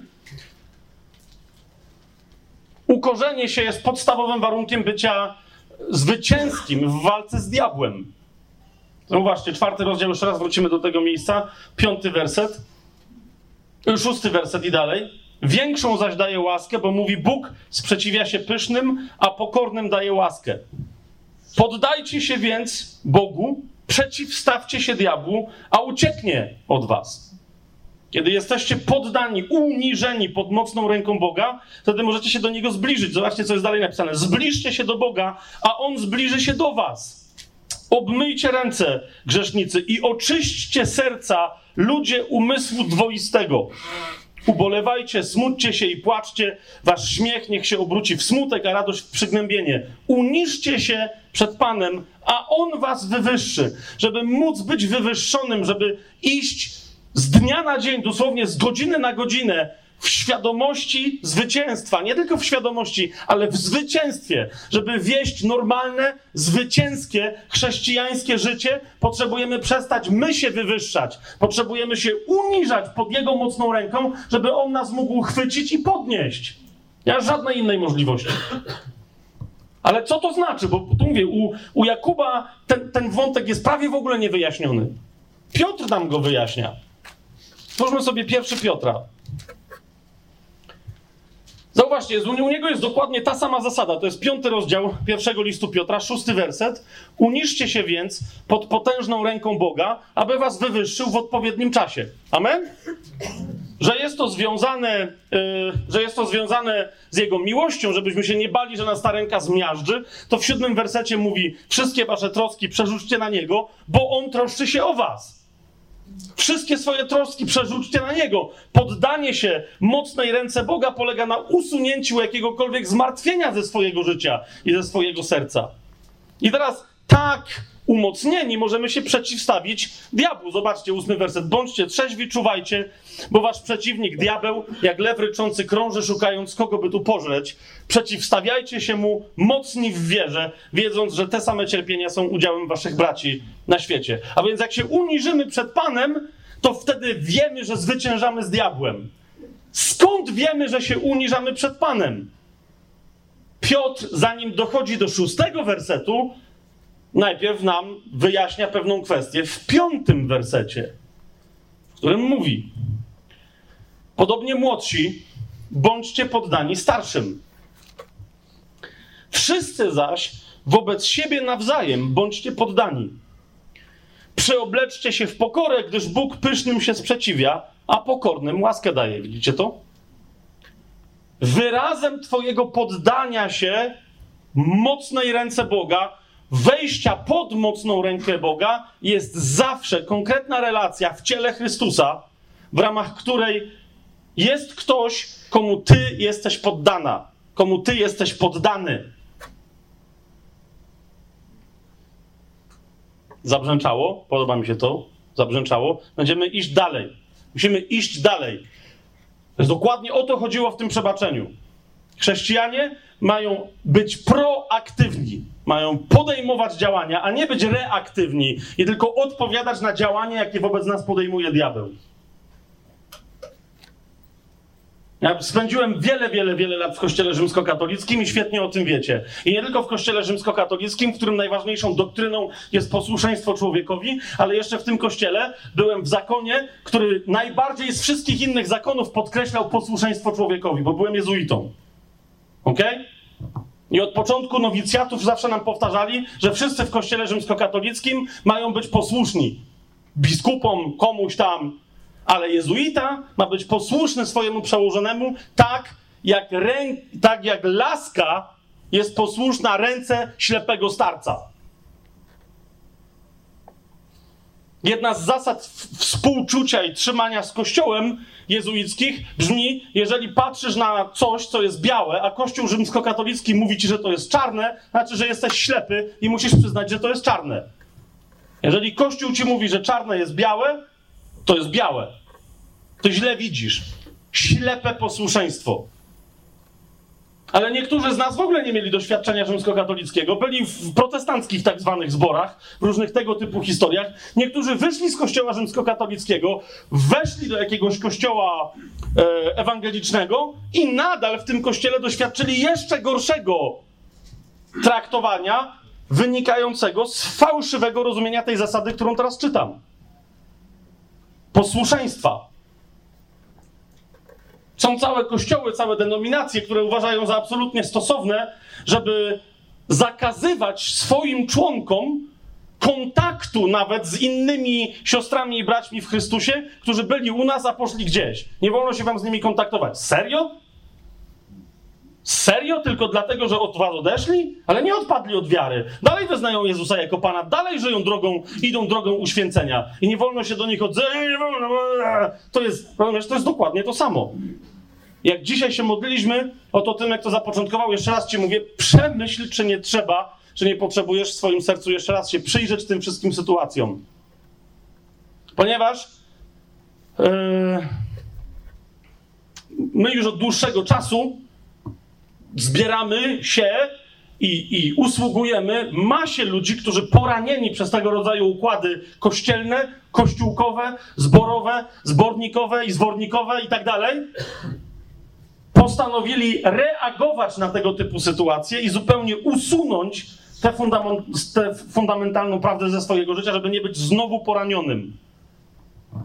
Więc, żeby jeszcze bardziej dołożyć do pieca, bo y, teraz rozumiecie, ja mówię o pewnej sytuacji, z którą y, y, myśmy się próbowali zmagać od jakiegoś czasu, wie, wiedząc, że jak byśmy się z Madzią ochrzcili w wodzie w imieniu Jezusa, e, chciałem się przyłączyć do jakiegoś kościoła, ponieważ nie, nie możesz wieść życia pojedynczego, wolnego elektronu, udając, że jesteś w łączności z całym ciałem Chrystusa. Masz być w ciele Chrystusa. Masz uznać swoje miejsce w ciele Chrystusa, które Duch Święty ci wskazuje i masz się w tym miejscu z ludźmi, którzy tam też zostali postawieni w relacjach, w których Jezus chciał cię związać z innymi ludźmi. Masz tam być i masz tam pełnić swoją misję, swoje powołanie. Ale faktem też jest, że, że 4 lata temu pytając Boga, gdzie mamy pójść, Bóg nam nie powiedział, że gdzieś mamy pójść, ale zapoczątkował mały kościół domowy. Z tu obecnymi Weroniką i, i Tymkiem. Potem jeszcze następne osoby przychodziły, głosiliśmy Ewangelię, nawracali się, chrzcili się. Tu jest sporo tych osób, które pamiętają historię sprzed czterech, trzech lat. Amen? No jeden właśnie wchodzi. Na basenie wtedy kilkanaście osób, pamiętasz? Kamil, ratownika chcieliśmy nawrócić, ale się nie dał.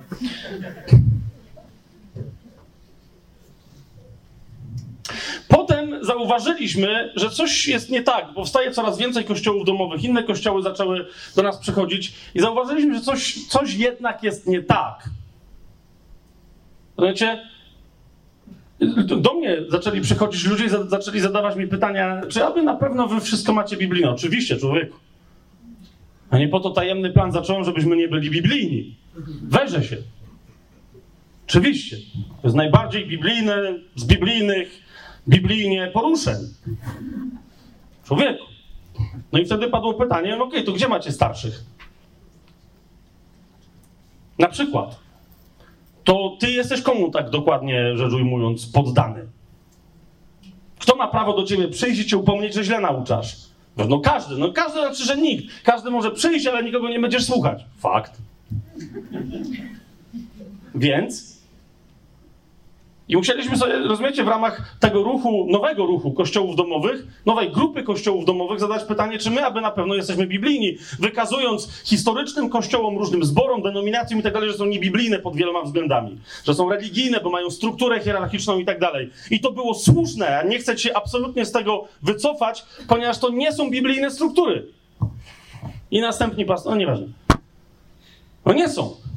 Ale to, co zaczęliśmy tworzyć, Okazało się być, rozumiecie, jest, jest denominacja, która ma ileś tam tysięcy członków, ok?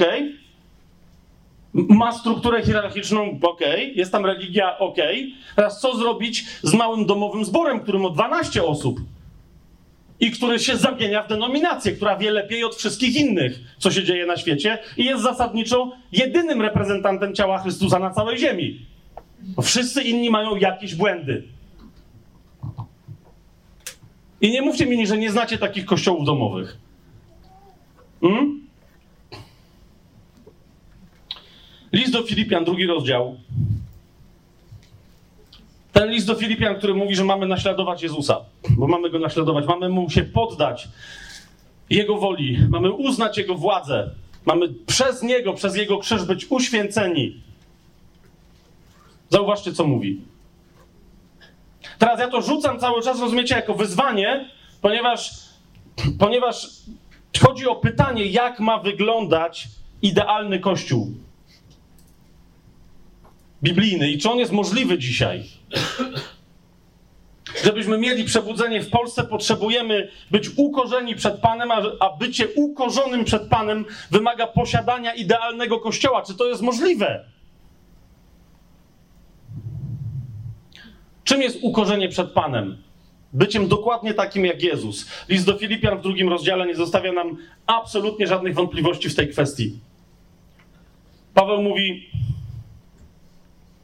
to jest drugi rozdział, drugi werset. Dopełnijcie mojej radości. Bądźcie tej samej myśli, mając tę samą miłość, będąc zgodni i jednomyślni. Nie czyńcie nic z kłótliwości, ale z próżnej chwały, uważajcie na to. Ale w pokorze uważajcie jedni drugich za wyższych od siebie. Niech każdy dba nie tylko o to, co jego, ale i o to, co innych. I Paweł mówi: dlaczego, dlaczego, dlaczego wam mówię tego typu rzeczy? Że macie być sobie nawzajem poddani do tego stopnia, żeby innych uważać za wyższych od siebie? On mówi, bo chcę, żeby w was było takie nastawienie umysłu, jakie też było w Chrystusie Jezusie. Jeżeli nie masz w sobie takiego nastawienia umysłu, to nie udawaj przed sobą, że naśladujesz Chrystusa ponieważ to jest jego nastawienie umysłu uznawanie innych za wyższych od siebie w ciele. Niech będzie w Was takie właśnie nastawienie umysłu, jakie też było w Chrystusie Jezusie, który będąc w postaci Boga nie uważał bycia równym Bogu za grabież, ale ogołocił samego siebie, przyjmując postać sługi i stając się podobnym do ludzi. A z postawy uznany za człowieka uniżył samego siebie i był posłuszny aż do śmierci i to śmierci krzyżowej. Jeszcze raz, nawet ten fragment, który teraz przeczytałem, odwołujący się do absolutnej świętości Chrystusowego posłuszeństwa, wcielenia, śmierci na krzyżu i potem zmartwychwstania, nawet ten fragment był wykorzystany w historii Kościoła do czego? Do zniewalania ludzi. Przez budowanie struktur, które przypominały struktury monarchii ludzkich, a nie monarchii Bożej, Królestwa Bożego. A Pan Jezus powiedział bardzo wyraźnie: U was tak nie będzie. Pamiętacie to? Kto nie pamięta, niech sobie znajdzie wyraźnie w Ewangelii. Pan Jezus mówi to i stanowi, mówi: U was tak nie będzie. Władcy rządzący narodami uciskają te narody. Oni, jako rządzący, uważają, że są na górze, wszyscy są pod nimi i oni tych, którzy są pod nimi, uciekają, uciskają. A Pan Jezus powiedział: U was tak nie będzie. To co to znaczy w takim razie, że mamy sobie nawzajem być poddani? Że mamy się uniżać przed sobą nawzajem, bo to jest jedyną gwarancją, że jesteśmy uniżeni przed Bogiem. Co to znaczy, że mamy innych uważać za wyższych od siebie? Otóż widzisz, w świecie wyżej stawia się ten, kto jest pyszny. I on jest tym, który podejmuje akcję. W królestwie ten, który podejmuje akcję, dobrowolnie stawia się niżej. Uznaje przez rozeznanie w Duchu Świętym autorytet, jaki Duch Święty ma dla niego przygotowany. I temu autorytetowi się poddaje. Jak Słowo Boże opisuje tę konstrukcję? Bardzo prosto. Jak mówi o ciele Chrystusa nie jako o ciele, ale jako o budowli Bożej, w której my wszyscy jesteśmy cegiełkami, to powiada, to jest list do Efezjan, drugi rozdział. 19 werset i dalej. Nie jesteście już więcej obcymi i przybyszami, ale współobywatelami ze świętymi i domownikami Boga. Jesteście zbudowani na fundamencie apostołów i proroków, gdzie kamieniem węgielnym jest sam Jezus Chrystus, na którym cała budowla razem zespolona rośnie w świętą świątynię w Panu, na którym i wy razem się budujecie, aby być mieszkaniem Boga przez ducha. Amen? Jeszcze raz. Kto jest absolutnym fundamentem, podstawą wszystkiego? Kto jest kamieniem węgielnym? Kto jest kamieniem węgielnym? Jezus. Jezus. A na tym kamieniu węgielnym jaki jest położony fundament? Apostołów i proroków. Apostołów i proroków. Zauważcie, jak mówimy o tej świątyni Bożej, na której sposobie konstruowania tej świątyni Bożej, zauważcie, że ci, którzy przez wieki, ze względu na przykład na, na to, że biskupi rzymskokatolicy uznali, że oni są następcami apostołów i że mają sukcesję apostolską, tak? Poubierani w te wszystkie fatałachy, złota, w te czopki tam czerwone, no wiecie, w te wszystkie tam historie, no to jak to jest apostoł, no to rozumiesz, to jest książę kościoła że w kościele rzymskokatolickim kardynałów albo biskupów się właśnie do tej pory nazywa księciuniami. jest książę kościoła, są książęta kościoła. Tymczasem zauważ, apostoł w Słowie Bożym nie jest na górze, ale jest na samym dole. Niżej jest tylko Jezus. Rozumiecie, co mówię? Apostoł jest na samym dole. Apostoł jest sługą wszystkich pozostałych sług. I dlatego możesz możesz apostołowi powierzyć siebie niekompletnie, tylko dotąd, dopóki on w Duchu Świętym do ciebie mówi, w zgodzie ze Słowem Bożym i w zgodzie z, z tym, co ty rozpoznajesz także jako wolę. Ale możesz mu siebie powierzyć, dlaczego? Bo on jest niżej niż ty, jest bardziej sługą niż ty. Powinien być bardziej zaangażowany, oddany i wypalony w tej służbie niż ty czy ja. Potem są prorocy. Potem Pierwszy do Koryntian o tym mówi. Potem są nauczyciele. Po pierwsze apostołowie, po drugie prorocy, po trzecie nauczyciele, a potem pozostałe dary duchowe, pozostałe dary służb. List do Efezjan w czwartym rozdziale wskazuje nam pięć służb, bo, bo do Koryntian mówi w ogóle o rozmaitych obdarowaniach, rozmaitych służbach i rozmaitych posłannictwach. Ale list do Efezjan mówi o pięciorakiej służbie. To jest jedna służba, która ma pięć aspektów, która jest całkowicie poświęcona i oddana budowaniu ciała Chrystusa. Spójrzcie, to jest jedenasty werset i dalej. List do Efezjan, czwarty rozdział, jedenasty werset i dalej. Jest powiedziane o tym, że Pan ustanowił jednych apostołami, drugich prorokami, innych ewangelistami, jeszcze innych pasterzami i nauczycielami. Pięć aspektów jednej służby, która czemu służy? Po co istnieje ta służba? Dla przysposobienia świętych, dla dzieła posługiwania, dla budowania ciała Chrystusa. Ciało Chrystusa nie może być właściwie zbudowane, kiedy nie ma tej służby pięć, o pięciorakim znaczeniu i w pięciu jej aspektach. Czy to jest jasne, co mówię? W momencie, kiedy nie mieliśmy tej służby pięciorakiej w kościele, próbowaliśmy się ratować. I teraz zrozumcie, piętnując religijne koncepcje, konstrukcje i tak dalej, które funkcjonują i funkcjonowały w kościołach reformacji, następnej reformacji i tak dalej, i tak dalej, ja jednocześnie cały czas jestem świadom tego, że na konkretnym etapie dziejów nie dało się lepiej. Rozumiecie, o co mi idzie? Tylko, że fakt, że 200 lat temu nie dało się lepiej, nie oznacza, że dzisiaj się nie da lepiej. I jak ktoś się trzyma tylko i wyłącznie tego, co było osiągnięciem duchowym 200 lat temu, a nie chce przyjąć kolejnych osiągnięć duchowych, no to jest trochę zapóźniony i musi się przebudzić. Tylko o to chodzi. Ale nadal, to nie tylko Bóg mi świadkiem, ale to się wszystko nagrywa przecież, co gadam. Nadal przez lata ostatnie, trzy, cztery nawet, mówiłem, że je, jeżeli ktoś się nawraca no czasem się do nas zgłaszają ludzie przez internet, mówią, się nawróciłem i co mam teraz zrobić? No nie, nie wiem, co masz zrobić. Ochrzcili cię, no ktoś tam nie ochrzcił, albo, ale nie mam kościoła. To szukaj kościoła, człowieku. Ale tu są same religijne kościoły. No to, ale rozumiesz, nie masz żadnych innych. Jest lepiej być w religijnym, biblijnie wierzącym kościele, rozumiecie o co mi chodzi, niż być wolnym elektronem. Niektórzy mówią, ale to właśnie super, ja teraz będę wiesz, bo ci mają to, ci nie wierzą w ducha, tam ci wierzą, ale bełkoczą na językach, ci coś tam. I teraz, kim ty jesteś, Jakub mówi, żeby sądzić swoich braci?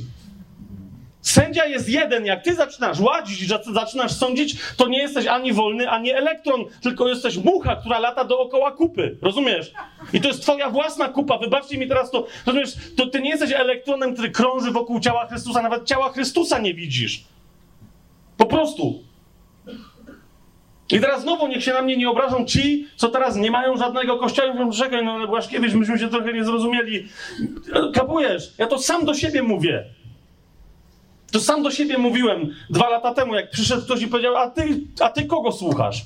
Kto ma prawo mówić do twojego życia? Kto, kto ma prawo ci wytknąć błędy w, w tym, czego nauczasz?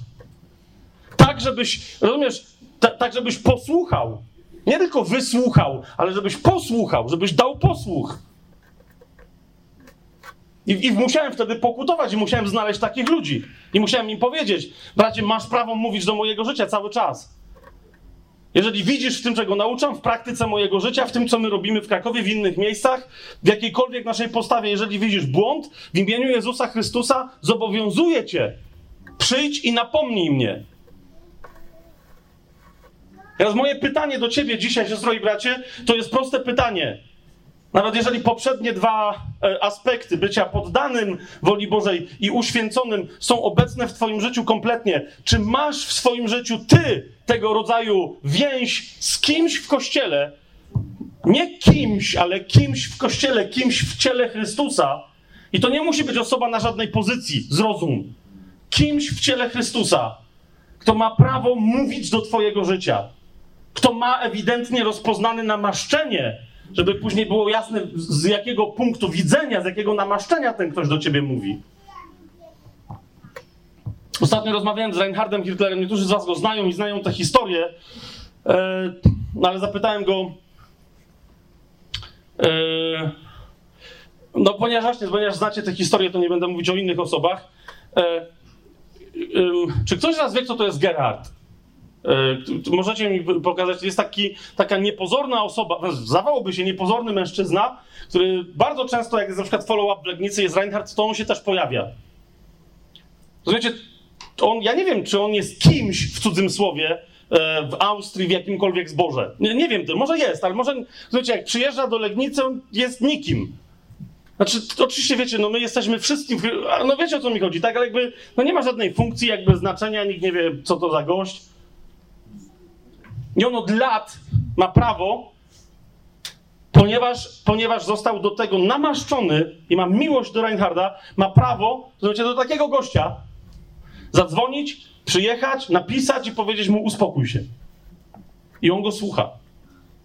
Być może niektórzy z was słyszeli historię Reinharda, jak on się pokłócił ileś tam już lat temu, jak mieli jeszcze małe dzieci z, z Debbie, z jego żoną, pokłócili się yy, o, i, i on nie miał racji. No ale żona ma słuchać. Ja jestem mężem, mężem Bożym, wziął dzieci, pojechał Reinhard do, do kina, żeby żona się ogarnęła. Jak wrócą, żeby już była, przeprosiła i się więcej nie kłóciła. I jak jechali do tego kina, Debbie zadzwoniła do Gerharda i mu wyjaśniła, co się dzieje.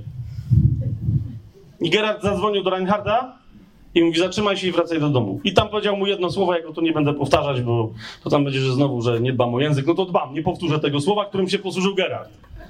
Ale mu powiedział bardzo mocno. Po austriacku, ja nie znam austriackiego, niemieckiego, więc wiecie, powiedział mu bardzo mocno. I co? Niezależnie od stanu emocjonalnego, niezależnie od... Reinhard uznał, że ten gość w tym momencie wie lepiej. On ma namaszczenie i on ma go słuchać. Przyjechał i pokutował przed żoną. I to on ją przeprosił. Nie pojechał do żadnego kina, po prostu przyjechał, to było dokładnie. Rozumiecie? To jest praktyczny wymiar. To jest moje pytanie. Czy ty masz kogoś takiego w swoim życiu? Nie jedną osobę, ale więcej.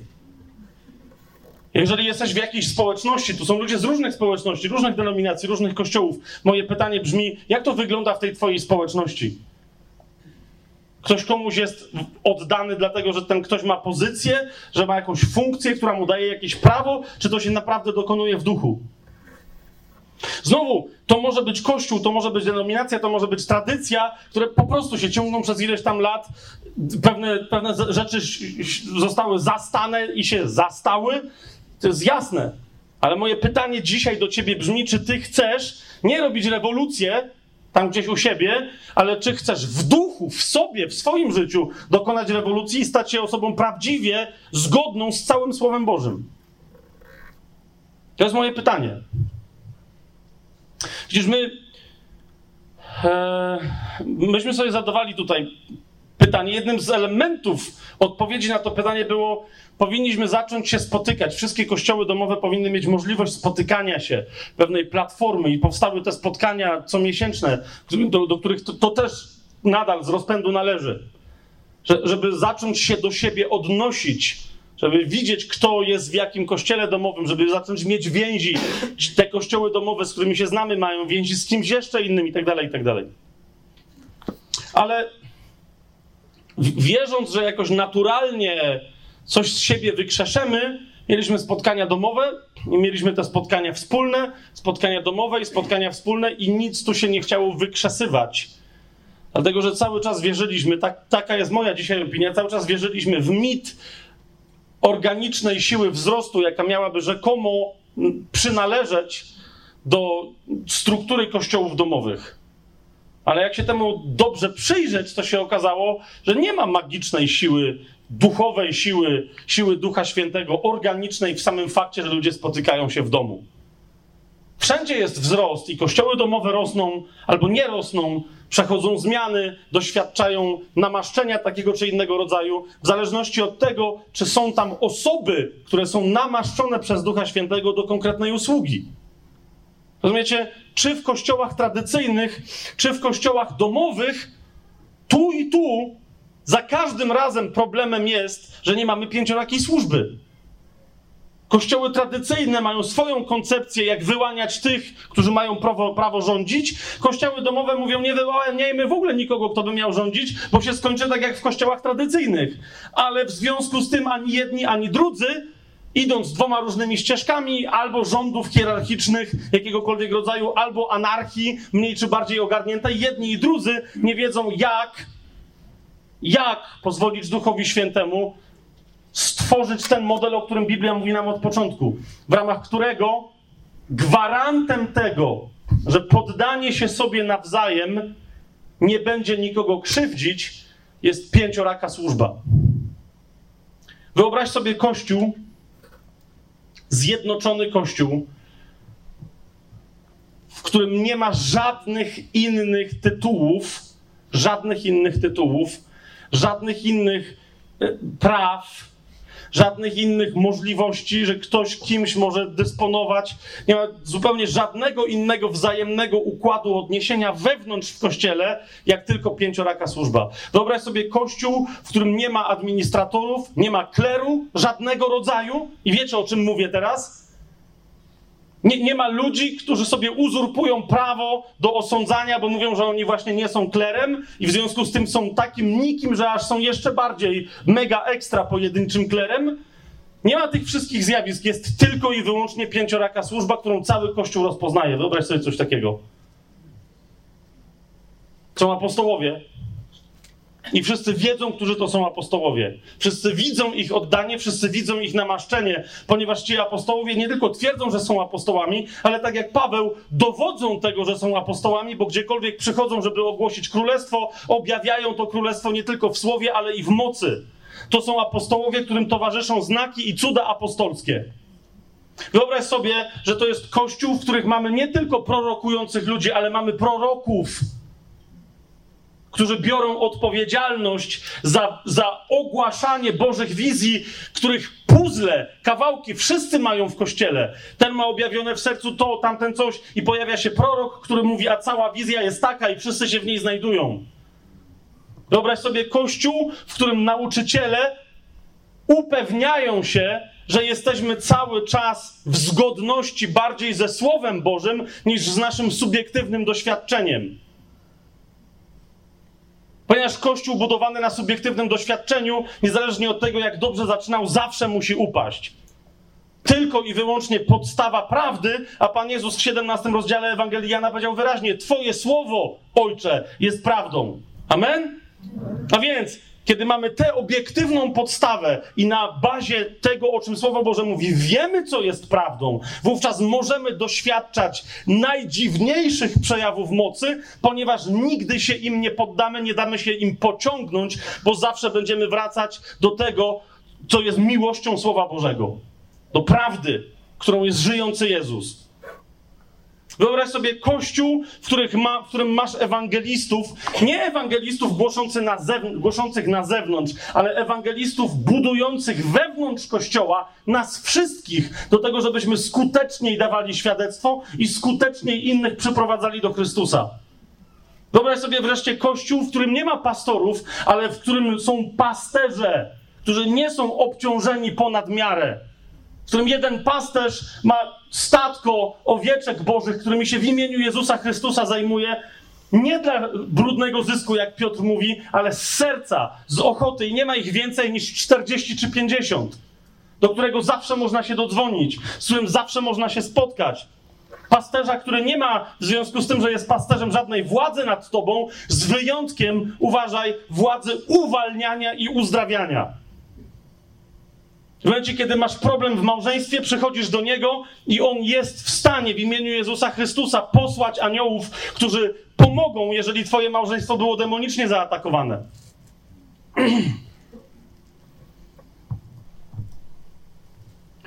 Taki zjednoczony Kościół nadciąga. Poważny, pełen mocy, Chrystusowy Kościół, który będzie jeden. I nawet jeżeli mnóstwo ludzi będzie nadal powiązanych przez denominacje, w których się chrzcili i tak dalej, niech będą dalej. Ale rozumiesz, przychodzi moment bardzo jasnego odróżnienia czarnego od białego. Tych, którzy rozpoznają ciało Chrystusa jako jedno wszędzie na świecie, i tych, którzy dalej będą uważali, że większa lojalność należy się ich historii, ich tradycji ich, i ich organizacji bardziej niż dzisiaj żyjącemu i żywemu ciału Chrystusa. O tamtych drugich trzeba się modlić, ale istotne jest, czy ty jesteś wśród tych, którzy chcą zauważyć jedno ciało Chrystusa. Wyobraź sobie kościół, w którym porusza się pięcioraka służba w którym na miejscu, w każdym mieście masz apostołów, proroków, nauczycieli, ewangelistów i pasterzy. Wyobraź sobie kościół, w którym apostołowie, prorocy, ewangeliści, pasterze, oni wszyscy się poruszają po całym świecie, są wysyłani w misjach. Wyobraź sobie kościół, który wreszcie zrezygnował z grzechu niezależności indywidualnej i zaczyna tworzyć współzależność Królestwa Bożego współzależność, w ramach której nawet jeżeli nie musimy wszystkiego zrzucać u stóp apostołów, to wszystko, cokolwiek mamy, służy wspólnemu dobru w królestwie. I jeżeli my dzisiaj tu w Polsce słyszymy, że głodują nasi bracia w Chinach, to robimy zbiórkę, w ramach której wysyłamy nie 20 tysięcy, ale 20 milionów złotych. Potajemnie, żeby chińskie służby tego nie znalazły i żeby oni tam mogli jeść przez najbliższe dwa lata. I posyłamy kogo? Takich apostołów jak Paweł, którzy przy własnych portkach mają sakiewkę i dowożą tam, gdzie trzeba odpowiednie środki. Wyobraź sobie taki kościół. Taki kościół byłby podzielony nie na denominacje, ale tak jak był oryginalnie początkowo, byłby podzielony na zjednoczone kościoły miast. Amen? No właśnie, Pan Jezus, wszyscy autorzy biblijni, Paweł na przykład, Paweł jak pisze list, nie pisze listu do denominacji ludzi, którzy go lubią w Tesalonikach. Ok? Jak pisze do Koryntian, to chociaż mówi, jedni zaczynacie robić dzikie historie, zaczynacie tworzyć denominacje. Jedni mówią, że są od Apollosa, inni mówią, że są od Kefasa, jeszcze inni mówią, że są ode mnie, a potem pojawiają się cwaniaki, którzy mówią, łowcy herezji, którzy mówią, to są dziady, my są od Chrystusa. I Paweł mówi, wy też jesteście tak samo czupnięci w łeb, jak cała reszta. Bo Chrystus ma jeden kościół. I niezależnie kto tobie usługiwał, jeżeli nie rozpoznajesz jednego ciała Chrystusa, w które wszyscy jesteśmy wchrzczeni, to jesteś w błędzie. Pokutuj szybciutko i wracaj do jedności ciała Chrystusa. Paweł pisze do wszystkich chrześcijan w Koryncie. Amen? Paweł pisze do wszystkich chrześcijan w Laodycei, do wszystkich chrześcijan w Kolosach. W, w wiemy, że pisze, chociaż nam list nie przetrwał, ale wiemy, że pisał, ok? A list do Kolosan miał być przeczytany w Laodycei między innymi. I Jezus na samym końcu wyraźnie mówi, że tak widzi swój Kościół. Widzi swój Kościół jako zjednoczony w miastach. Pisze list do aniołów siedmiu kościołów miast. Amen? I nawet jeżeli w którymś z tych w jednym czy w drugim mieście ci chrześcijanie już się zdążyli podzielić, Jezus nie pisze do tych dwóch denominacji, ale pisze do nich jako do jednego kościoła i mówi: Upamiętajcie się. Wy z tego, a tamci jeszcze z czegoś innego. I dostrzeżcie, że moje ciało w tym mieście jest jedno, tak jak jest jedno na całym świecie.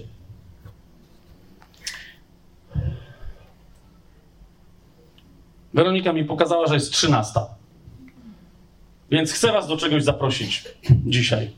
Ale tylko i wyłącznie tych, którzy naprawdę wiedzą, że są poruszeni w sercu, że są dotknięci wobec tego, co teraz powiem. Słuchajcie bardzo wyraźnie, uważnie. Tak samo ci, którzy będą słuchać tego nagrania.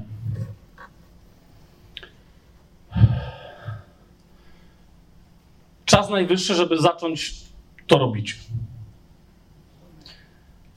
Więc rozpoczynamy służbę uniżenia w Polsce. W odpowiedzi na pytanie, jak my mamy być ludźmi, którzy będą poddani, którzy będą konsekrowani, ale którzy też będą ukorzeni, uznaliśmy, że droga kościołów tradycyjnych jest dobra dla nich, ale nie jest dobra dla nas. Masa ludzi do nas się zgłasza, mówi, próbowaliśmy się wpasować w taki czy inny tradycyjny kościół, ale no nie dajemy rady. Tam jest naprawdę za dużo religii, nie ma innej drogi.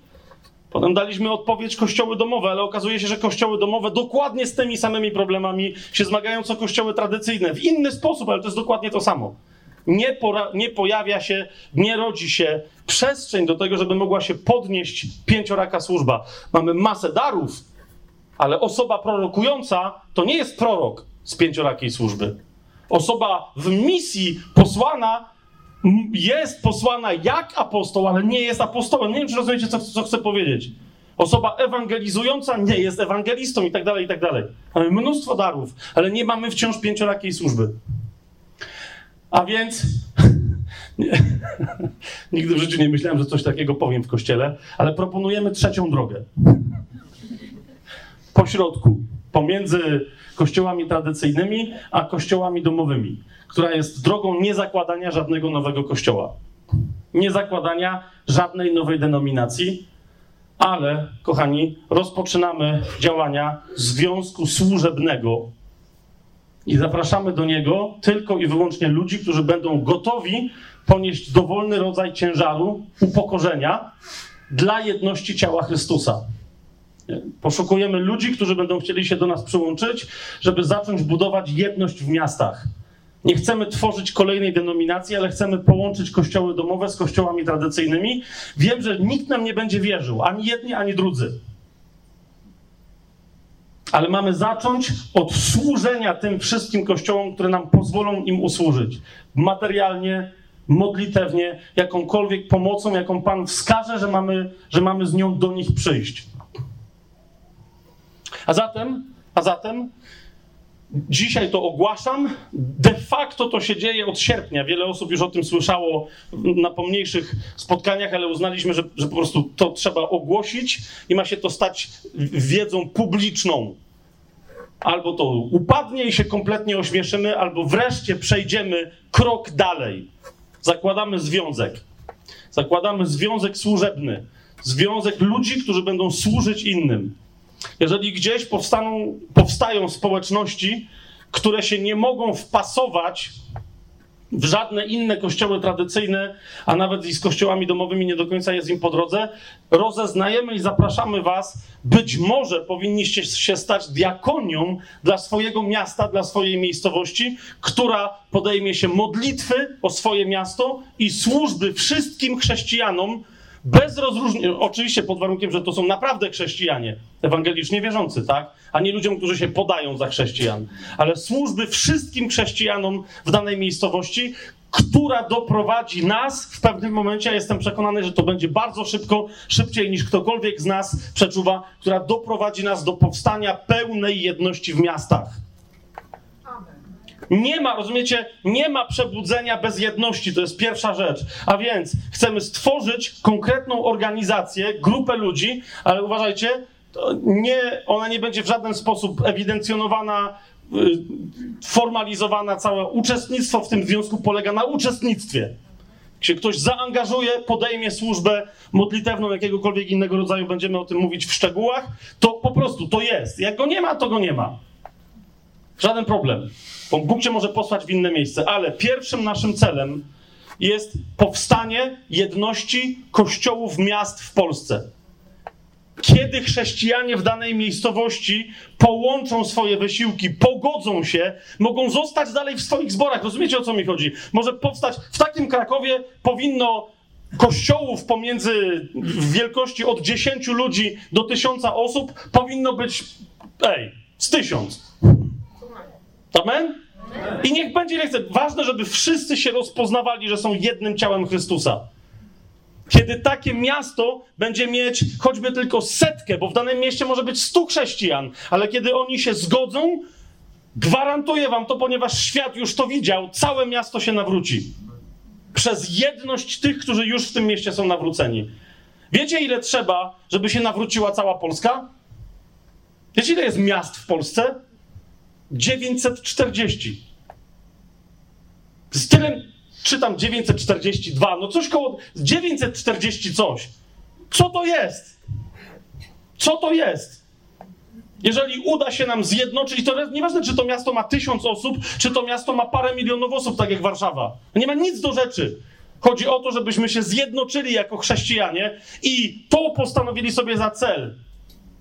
Pan Jezus powiedział bardzo wyraźnie, przeczytajcie 17 rozdział Ewangelii Jana. Kiedy my będziemy jedno, to na naszych oczach ludzie będą się nawracać, bo ludzie się będą nawracać, widząc, że my jesteśmy jedno. Więc to jest pierwsza rzecz. Od czego należy zacząć? Od tego, żeby w danym miejscu, nawet jeżeli są tylko dwie czy trzy osoby, żeby one się zjednoczyły w modlitwie o jedność ale nie tylko to, lecz także, żeby, żeby podjęły przymierze, w ramach którego, jeżeli Duch Święty powie, zróbcie teraz to dla baptystów, a to dla zielonoświątkowców, a to dla metodystów, nawet jak biorąc od was tę pomoc, oni później was zwyzywają, zmieszają z błotem i oczernią. Nie sądzę, żeby tak było, bo zielonoświątkowcy, baptyści i metodyści są fantastyczne denominacje. Ale nawet gdyby tak było, to był tylko abstrakcyjny przykład, nadal zróbcie to. Szukamy ludzi, którzy będą gotowi modlić się i podjąć tego rodzaju służbę, nawet jeżeli mieliby w związku z tym stracić swoją reputację. Ja w to wchodzę. Ja w to wchodzę. Druga rzecz. Chcemy stworzyć taką więź, takie społeczności, takie spotkania modlitewne, domowe, ale też wspólne, w ramach których pozwolimy Bogu i duchu, przez w imieniu Jezusa i pod Jego władzą i w Duchu Świętym tak działać, żebyśmy byli w stanie rozpoznać pięcioraką służbę. To jest nasz cel. To, co się wydarzyło dwa tygodnie temu w Legnicy, było zaczątkiem czegoś, co musi się wydarzyć wszędzie w Polsce i co Bóg chce, żeby się wydarzyło. Nie, nie, nie, sporo osób tu o tym wie, ale nie wszyscy. Jakieś dwa lata temu, jak coś to mnie poprawcie, mieliśmy taką wizję, kiedy w Krakowie nie było nic z wyjątkiem paru naszych kościołów domowych, a w Legnicy było to, co jest w Legnicy. Anastazis, Fundacja Fusion, follow-upy, obozy, wysyłanie misjonarzy za granicę. Mieliśmy taką wizję, że jadą dwa pociągi Jeden z Krakowa do Legnicy, a drugi z Legnicy do Krakowa. Ktoś z Was pamięta to, tą wizję? O, jest, jest, jest parę osób. Aleluja. I że one się spotykają w pewnym momencie gdzieś tam, niekoniecznie po środku tej drogi, ale gdzieś się spotykają. Że coś tam w tej Legnicy przesuwa się w naszą stronę, a coś u nas przesuwa się w stronę ich wizji. I w pewnym momencie te wizje stają się tożsame. Dla mnie to, co się wydarzyło teraz, wiecie, co się udało, było zapowiedziane, ale się udało i będzie kontynuowane w ramach kolejnych follow-upów w Legnicy. Pojawienie się tam pięciorakiej służby jest dokładnie znakiem, że nasze wizje zaczynają się ze sobą spotykać. To, co, to, o czym teraz Wam mówię, propozycja, żeby powstał taki związek służebny, podzieliłem się z nią, nią między innymi w Legnicy i jak w wielu innych miejscach reakcja była zwariowaliście. No mówię, że no tak, od początku. No okej, okay. tylko wariat może taką misję wykonać, więc do boju. Następna rzecz. Ktoś, my potrzebujemy to, y, y, y, ponieważ taka organizacja, od, w Polsce jest wolność wyznań, możemy się gromadzić tak jak teraz, wszystko gra. Ale ona musi być w podstawowej swojej formie zarejestrowana. Zatem, zatem, posłuchajcie teraz tego.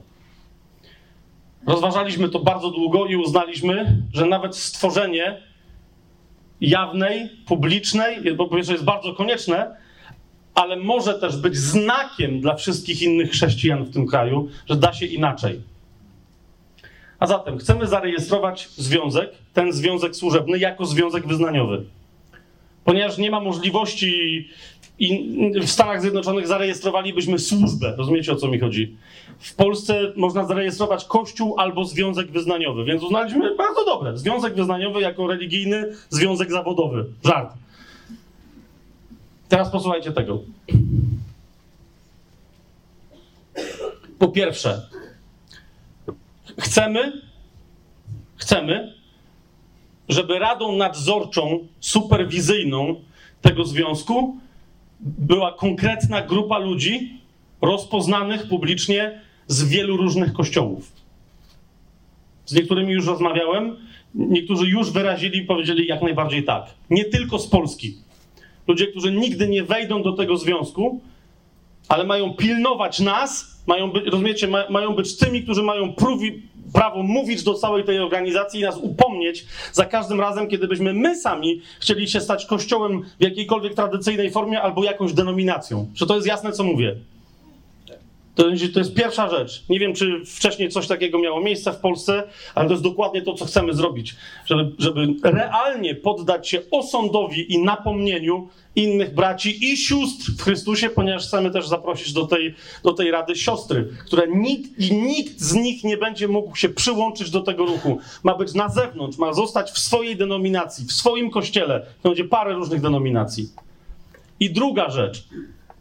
Bo niektórzy mówią, no tak, ale to będziecie mieli taki power, że jak zaczniecie, to powstaną różne kościoły, ponieważ mamy pomagać ludziom, żeby tworzyli jak najwięcej kościołów w różnych miejscowościach. Będziecie mieli taki power, że z, z automatu stworzycie swoją denominację. Otóż, kochani, druga bardzo istotna rzecz, i chcemy to zapisać, mamy to już zapisane e, w statucie, nad którym cały czas jeszcze pracujemy.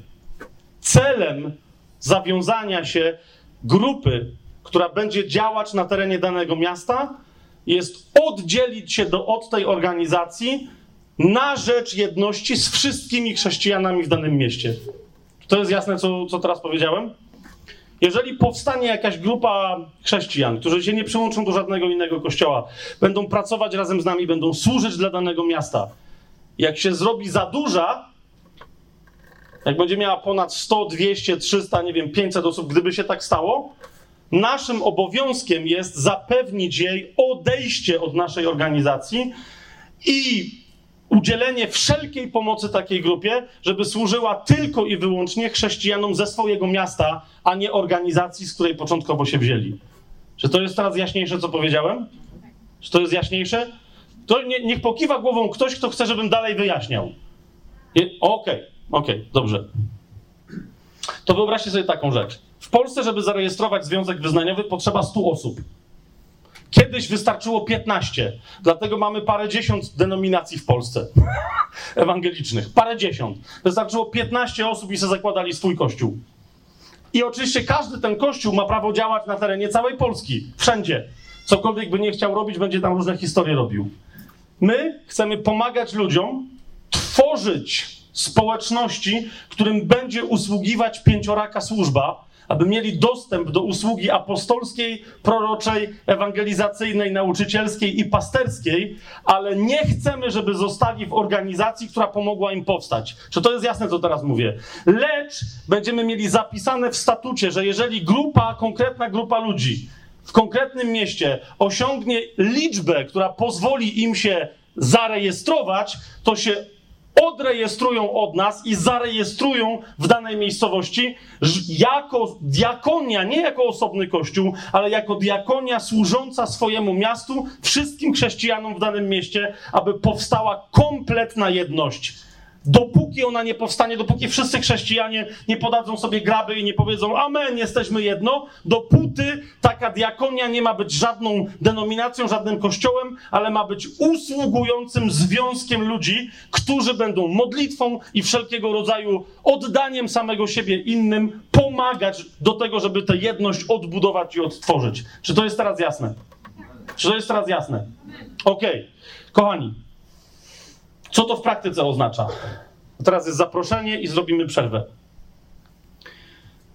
Potrzebujemy, żeby zarejestrować ten związek, potrzebujemy 100 osób albo trochę ponad, nie potrzebujemy więcej, które muszą być zapisane. Ponieważ legalnie w tym kraju 100 osób składa deklarację potwierdzoną notarialnie, że zakładają tego rodzaju związek i możemy rozpocząć dalsze, e, dalsze działania w tego rodzaju wymiarze. Potrzebujemy 100 osób, nie więcej. W tym tygodniu jeszcze siedzieliśmy z, z, z dwoma braćmi, z Tymoteuszem i z Zenkiem, jak to zrobić, żeby w tym prawie polskim, które całkowicie usługuje Kościołowi rzymskokatolickiemu, żeby, żeby ten związek mógł w pełni legalnie działać i jednocześnie, żeby z wyjątkiem tej pierwszej grupy założycieli, żeby później nie musieć nikogo zapisywać na żadne listy. Bo jeszcze raz powtarzam, to nie jest żadna denominacja i to nie jest żaden kościół, czy to jest zrozumiałe. Nikt nie będzie nigdy do niczego zapisywany z wyjątkiem tej pierwszej grupy ludzi. I okazało się, że to się da zrobić prawnie, co więcej, że, że można to gwarantować, że nikt w tym związku nie będzie otrzymywać żadnych tytułów, nie będzie sprawować żadnej władzy nad innymi, natomiast, że będą bardzo jasne kompetencje co do usługiwania innym wewnątrz tej grupy, żeby ona skutecznie działała dla jedności całego ciała Chrystusa i dla powstania pięciorakiej służby i dla in... Aha, bo jeszcze jest trzecia rzecz, o której nie powiedziałem. Pięcioraka służba, jedność ciała Chrystusa w Polsce i wysyłanie misjonarzy.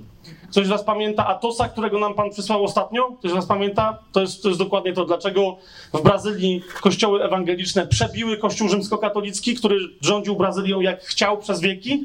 Właśnie dlatego, że że szukając pięciorakiej służby, szukając jedności lokalnego ciała Chrystusa w miastach, natychmiast, kiedy tylko mieli 10 osób we wspólnocie, jedną albo dwie wysyłali na misje zagraniczne. I to jest też rzecz, którą chcemy robić. Chcemy wspierać misjonarzy za granicą i chcemy także od nas wysyłać jak najwięcej misjonarzy wszędzie na cały świat.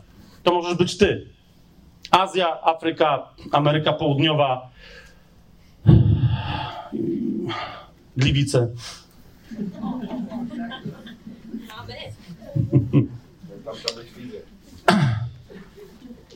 Teraz, co to będzie w praktyce oznaczać, kochani? Jeżeli chcecie dowiedzieć się więcej, w sensie, bo my jeszcze nie mamy tego statutu, on powinien być do następnego naszego spotkania, czyli do 5, do 4 stycznia powinien być napisany. I wtedy wszystkim, którzy chcą tam zaglądnąć, absolutnie czytajcie, składajcie sugestie jakiekolwiek, co jeszcze mamy poprawić, żeby to żeby, żeby się w 100% upewnić, że to będzie autentycznie służebny związek, który będzie poddany wszystkim innym kościołom w tym kraju, będzie im służyć, prowadząc do jedności w Duchu Świętym. Natomiast, natomiast potrzebujemy tych, którzy gotowi byliby się zaangażować najpierw, to jest pierwsza rzecz, na, na poziomie takim, powiedzmy, ogólnopolskim tak? Czyli, czyli jeżeli ktoś jest tutaj, albo ktoś teraz słucha tego nagrania, kto chciałby się zaangażować mocniej w organizację, w podróż pomiędzy miastami, żeby się do nas dołączyć, żeby pewne działania nie tylko w Krakowie, ale w całej Polsce i nawet także poza Polską, jeżeli ktoś z Was chciałby się do tego dołączyć, chciałby też być jakby założycielem tego wszystkiego razem z nami, jeszcze raz, nie będzie żadnego podpisu, dopóki nie będziesz widzieć, jak wygląda deklaracja i jak wygląda cały statut związkowy, tak?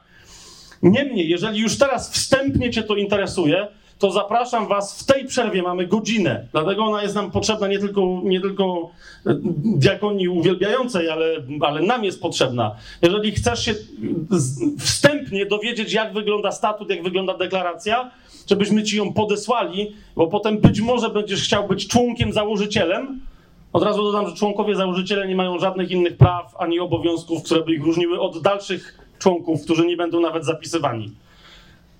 Tylko ponieważ będziesz zapisany, w odróżnieniu od innych y, służby cię szybciej znajdą, jak będzie prześladowanie chrześcijan, to nas odszczelą w pierwszej kolejności. To będzie ta pierwsza setka, a reszta się nie musi martwić. Więc, przepraszam, powinienem o tym wspomnieć, tak. To będzie minimalna lista tych, którzy idą jako pierwsi do odstrzału później. Od razu w ministerstwie. Warto być na początku. Tak, od razu mówię, że to się rejestruje w Ministerstwie Spraw Wewnętrznych, także, także nie żartuję, tak? A jak, no dobra, nie będę dalej komentować. Więc to jest pierwsze, czego potrzebujemy. Jeżeli jesteś czy z Krakowa, czy z jakiejkolwiek innej miejscowości, nawet z innego kraju, bo to wiem, że są ludzie, którzy nawet nie mieszkają w Polsce. Jeżeli chcesz, teraz wstępnie czujesz, że być może chcesz się do tego dołożyć, chcesz się zaangażować. Jeszcze raz, serce sługi. Pamiętaj, bo my nawzajem się będziemy, my sobie nawzajem będziemy naprawdę pupki kopać w temacie poddania, w temacie konsekracji i w temacie ukorzenia się pod mocną ręką Boga, czyli wobec siebie nawzajem. Ta ekipa na początku, rozumiesz, będzie czarno na białym zapisana, że od nich się spodziewamy najwięcej. Okay? Na, ci to, to będą też ludzie, którzy w pewnym momencie zaczną, wszyscy, którzy do nas dołączą, zaczną rozpoznawać apostołów, proroków i tak dalej. W momencie, kiedy będziemy mieli pięcioraką służbę, to ta pięcioraka służba przejmie od nas ten związek. Czy to jest kolejna rzecz, bo jeszcze tego nie powiedziałem. Czy to jest też jasne, co, co teraz mówię? No rozumiesz, ty możesz być apostołem i jeszcze ktoś, którzy po prostu, tu może siedzieć dwunastka, czy dziesiątka, czy ósemka apostołów i apostolic, którzy przejmą całą historię później, za chwilę, za, za trzy miesiące albo za sześć. Co ci Duch Święty mówi w sercu? Jeżeli chcesz, pierwsza rzecz, jeżeli chcesz się do tego dołączyć, chcesz dostać te informacje od nas, to podejdź do, po, pokażcie się, bo nie wszyscy was znają, do, do, do Zenka, do Tymka albo do mnie, Okej, okay, no do naszych żon też, tak? Bo nasze żony też tu będą funkcjonować. Żeby nam przekazać, jak się mamy z Tobą kontaktować. Druga rzecz. Jeżeli jesteś w jakimś mieście, jeżeli jesteś e, w Krakowie i chcesz podjąć konkretne działania, ponieważ mamy konkretne plany na konkretne działania, tak, które będziemy zagęszczać, to też podejdź i się zgłoś, żebyśmy wiedzieli, na przykład, nie wiem, jesteś jedną osobą gdzieś, nie wiem, w Kielcach, i nie wiesz, co się ma dalej dziać, ale czujesz w sercu, że, że coś się ma zacząć dziać. Podejdź, ponieważ, ponieważ jak powiedziałem, że pięcioraka służba jest, jest przede wszystkim służbą ruchomą, ponieważ się zasadza na apostołach. Więc, więc jakiś czas temu skończyliśmy, ja, ja, jeszcze parę osób, z którymi zawsze jeździliśmy jako tajemny plan, skończyliśmy prawie w ogóle jeździć do różnych miejsc, do zborów, które nas zapraszały. Teraz mówimy w większości nie, nie, nie, nie. Będziemy jeździć w pierwszej kolejności a być może tylko i wyłącznie do miejsc, które chcą zapoczątkować u siebie, do miejscowości, które chcą zapoczątkować ten ruch. Modlitwę chcą zbudować nie, wierze nieustającej modlitwy w swojej miejscowości i służby, diakonie nieustającej służby na rzecz jedności ciała Chrystusa, docelowo na rzecz przebudzenia w Polsce.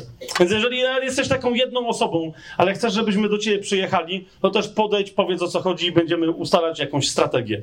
Teraz uważajcie. Niezależnie od tego, bo się boisz, bo uważasz, że coś tam, bo nie masz przebaczone w sercu, bo, bo, bo, bo, bo, bo, bo myślisz sobie, na, zaraz zaczną z tego robić jakiś i tak kościół albo coś. Masz prawo, błogosławię cię w imieniu Jezusa, niech będzie, ale nadal możesz przyjść, modlić się o jedność ciała Chrystusa w Krakowie i o powstanie potężnego przebudzenia w Krakowie. Możesz? W związku z tym e, zaczynamy cotygodniowe modlitwy ja, ja, jestem przekonany w sercu, że te modlitwy zamienią się w codzienne modlitwy, a bardzo szybko te codzienne modlitwy zamienią się w nieustającą całodobową modlitwę. Mówię, mówię wam to. W Krakowie i chcemy też, żeby to się zaczęło we wszystkich innych miejscach w Polsce. Są już takie grupy, które się tak modlą. Polska dla Jezusa tego rodzaju ruch zainicjowała. My, się, my, to, więc my nie wiecie, nie wyważamy jakichś drzwi, one są otwarte, ale chcemy, żeby tam jak najwięcej ludzi przez te drzwi przeszło. Teraz jest czas. Więc Zapraszam Was. Pierwsze takie spotkanie się odbędzie tutaj, w przyszłym tygodniu, w czwartek. 19 grudnia, pierwsze spotkanie. Nawet jak się tu spotkamy w trzy osoby, to to spotkanie się tu odbędzie. Potem się będą odbywać co poniedziałek te spotkania. Chodzi o to, że ten najbliższy poniedziałek to by było za, za blisko do dzisiejszego naszego spotkania. Więc co poniedziałek się będą odbywać, e, odbywać te modlitwy. Kolejna rzecz w styczniu, od stycznia, te nasze otwarte, duże spotkania będą się odbywać dwa razy w miesiącu, a docelowo będą się odbywać jeszcze częściej. Ok? jeżeli jesteś osobą, która prowadzi jakiś kościół domowy, jeżeli jesteś osobą, która prowadzi jakiś, jakąś grupę modlitewną, wstawienniczą, grupę ewangelistów, którzy atakują ludzi na ulicach dobrą nowiną i tak dalej. I Duch Święty od jakiegoś czasu ci mówi, czy my, aby na pewno znajdujemy się w pełnej jedności z ciałem Chrystusa, a ta idea cię porusza, to również zapraszam cię jako lidera, jako przywódcę, jako przywódczynię jakiejś tam, jakiejś tam grupy, która nie znajduje się w żadnym innym ruchu, w żadnym innym kościele, w żadnej innej denominacji. Zapraszam cię, mówię ci, podejdź i włącz się w poszukiwanie pięciorakiej służby i włącz się w, tą, w, to, w to wzajemne poddanie, w którym wszyscy, wzajemne poddanie sobie nawzajem, w którym chcemy funkcjonować. Yy, od jakiegoś czasu zauważyliście, że nie przedstawiamy kościołów domowych z jednego prostego powodu, ponieważ potrzebujemy ustalić, na jakiej zasadzie ktoś, kto przychodzi do nas, do naszych kościołów domowych, do naszych grup domo- domowych, czy do innych inicjatyw, na przykład ktoś może wcale niekoniecznie przyjść do kościoła domowego, może przyjść do grupy ewangelistów albo do grupy pasterzy, albo to ci będą mieli kościoły, albo do grupy nauczycieli i posługiwać w zupełnie inny sposób. Będzie mieć swój lokalny kościół, nie funkcjonujący jak kościół, jak typowy kościół domowy. Dlaczego? No bo taka jest charakterystyka ciała Chrystusa. Teraz Zauważyliście, że nie podawaliśmy od jakiegoś czasu, gdzie można się przyłączać. Dlaczego? Bo potrzebujemy między sobą ustalić jasne słowo przymierza. Na jakiej zasadzie my ze sobą współpracujemy, bo do tej pory tylko byliśmy odpowiedzialni za organizowanie tych spotkań. Od tej pory chcemy e, dać ludziom doświadczenie, że niezależnie od tego, do jakiej grupy związanej z nami przyjdą, otrzymają ten sam rodzaj i tę samą jakość usługi całej pięciorakiej służby. Czy to jest jasne?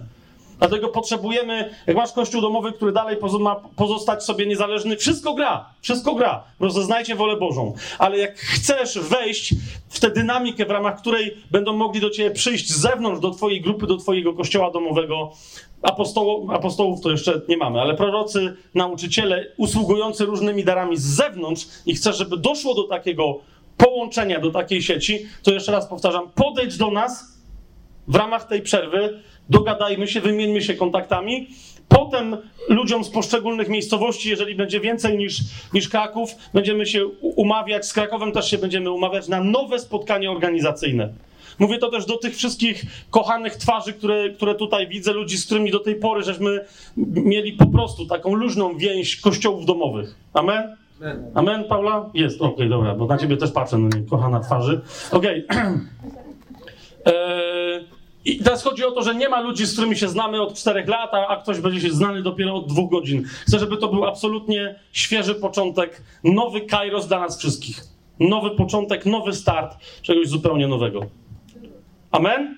Jak, jak macie jeszcze jakieś pytania albo coś, to, to zróbmy to w przerwie, bo najwyższy czas, żeby, żeby, żeby ją zacząć. Która jest godzina? Pół do. To zaczynamy w takim razie 14.30. Punkt. Modlitwę, która będzie cała ogarniać to, o czym teraz mówiłem. Dzięki.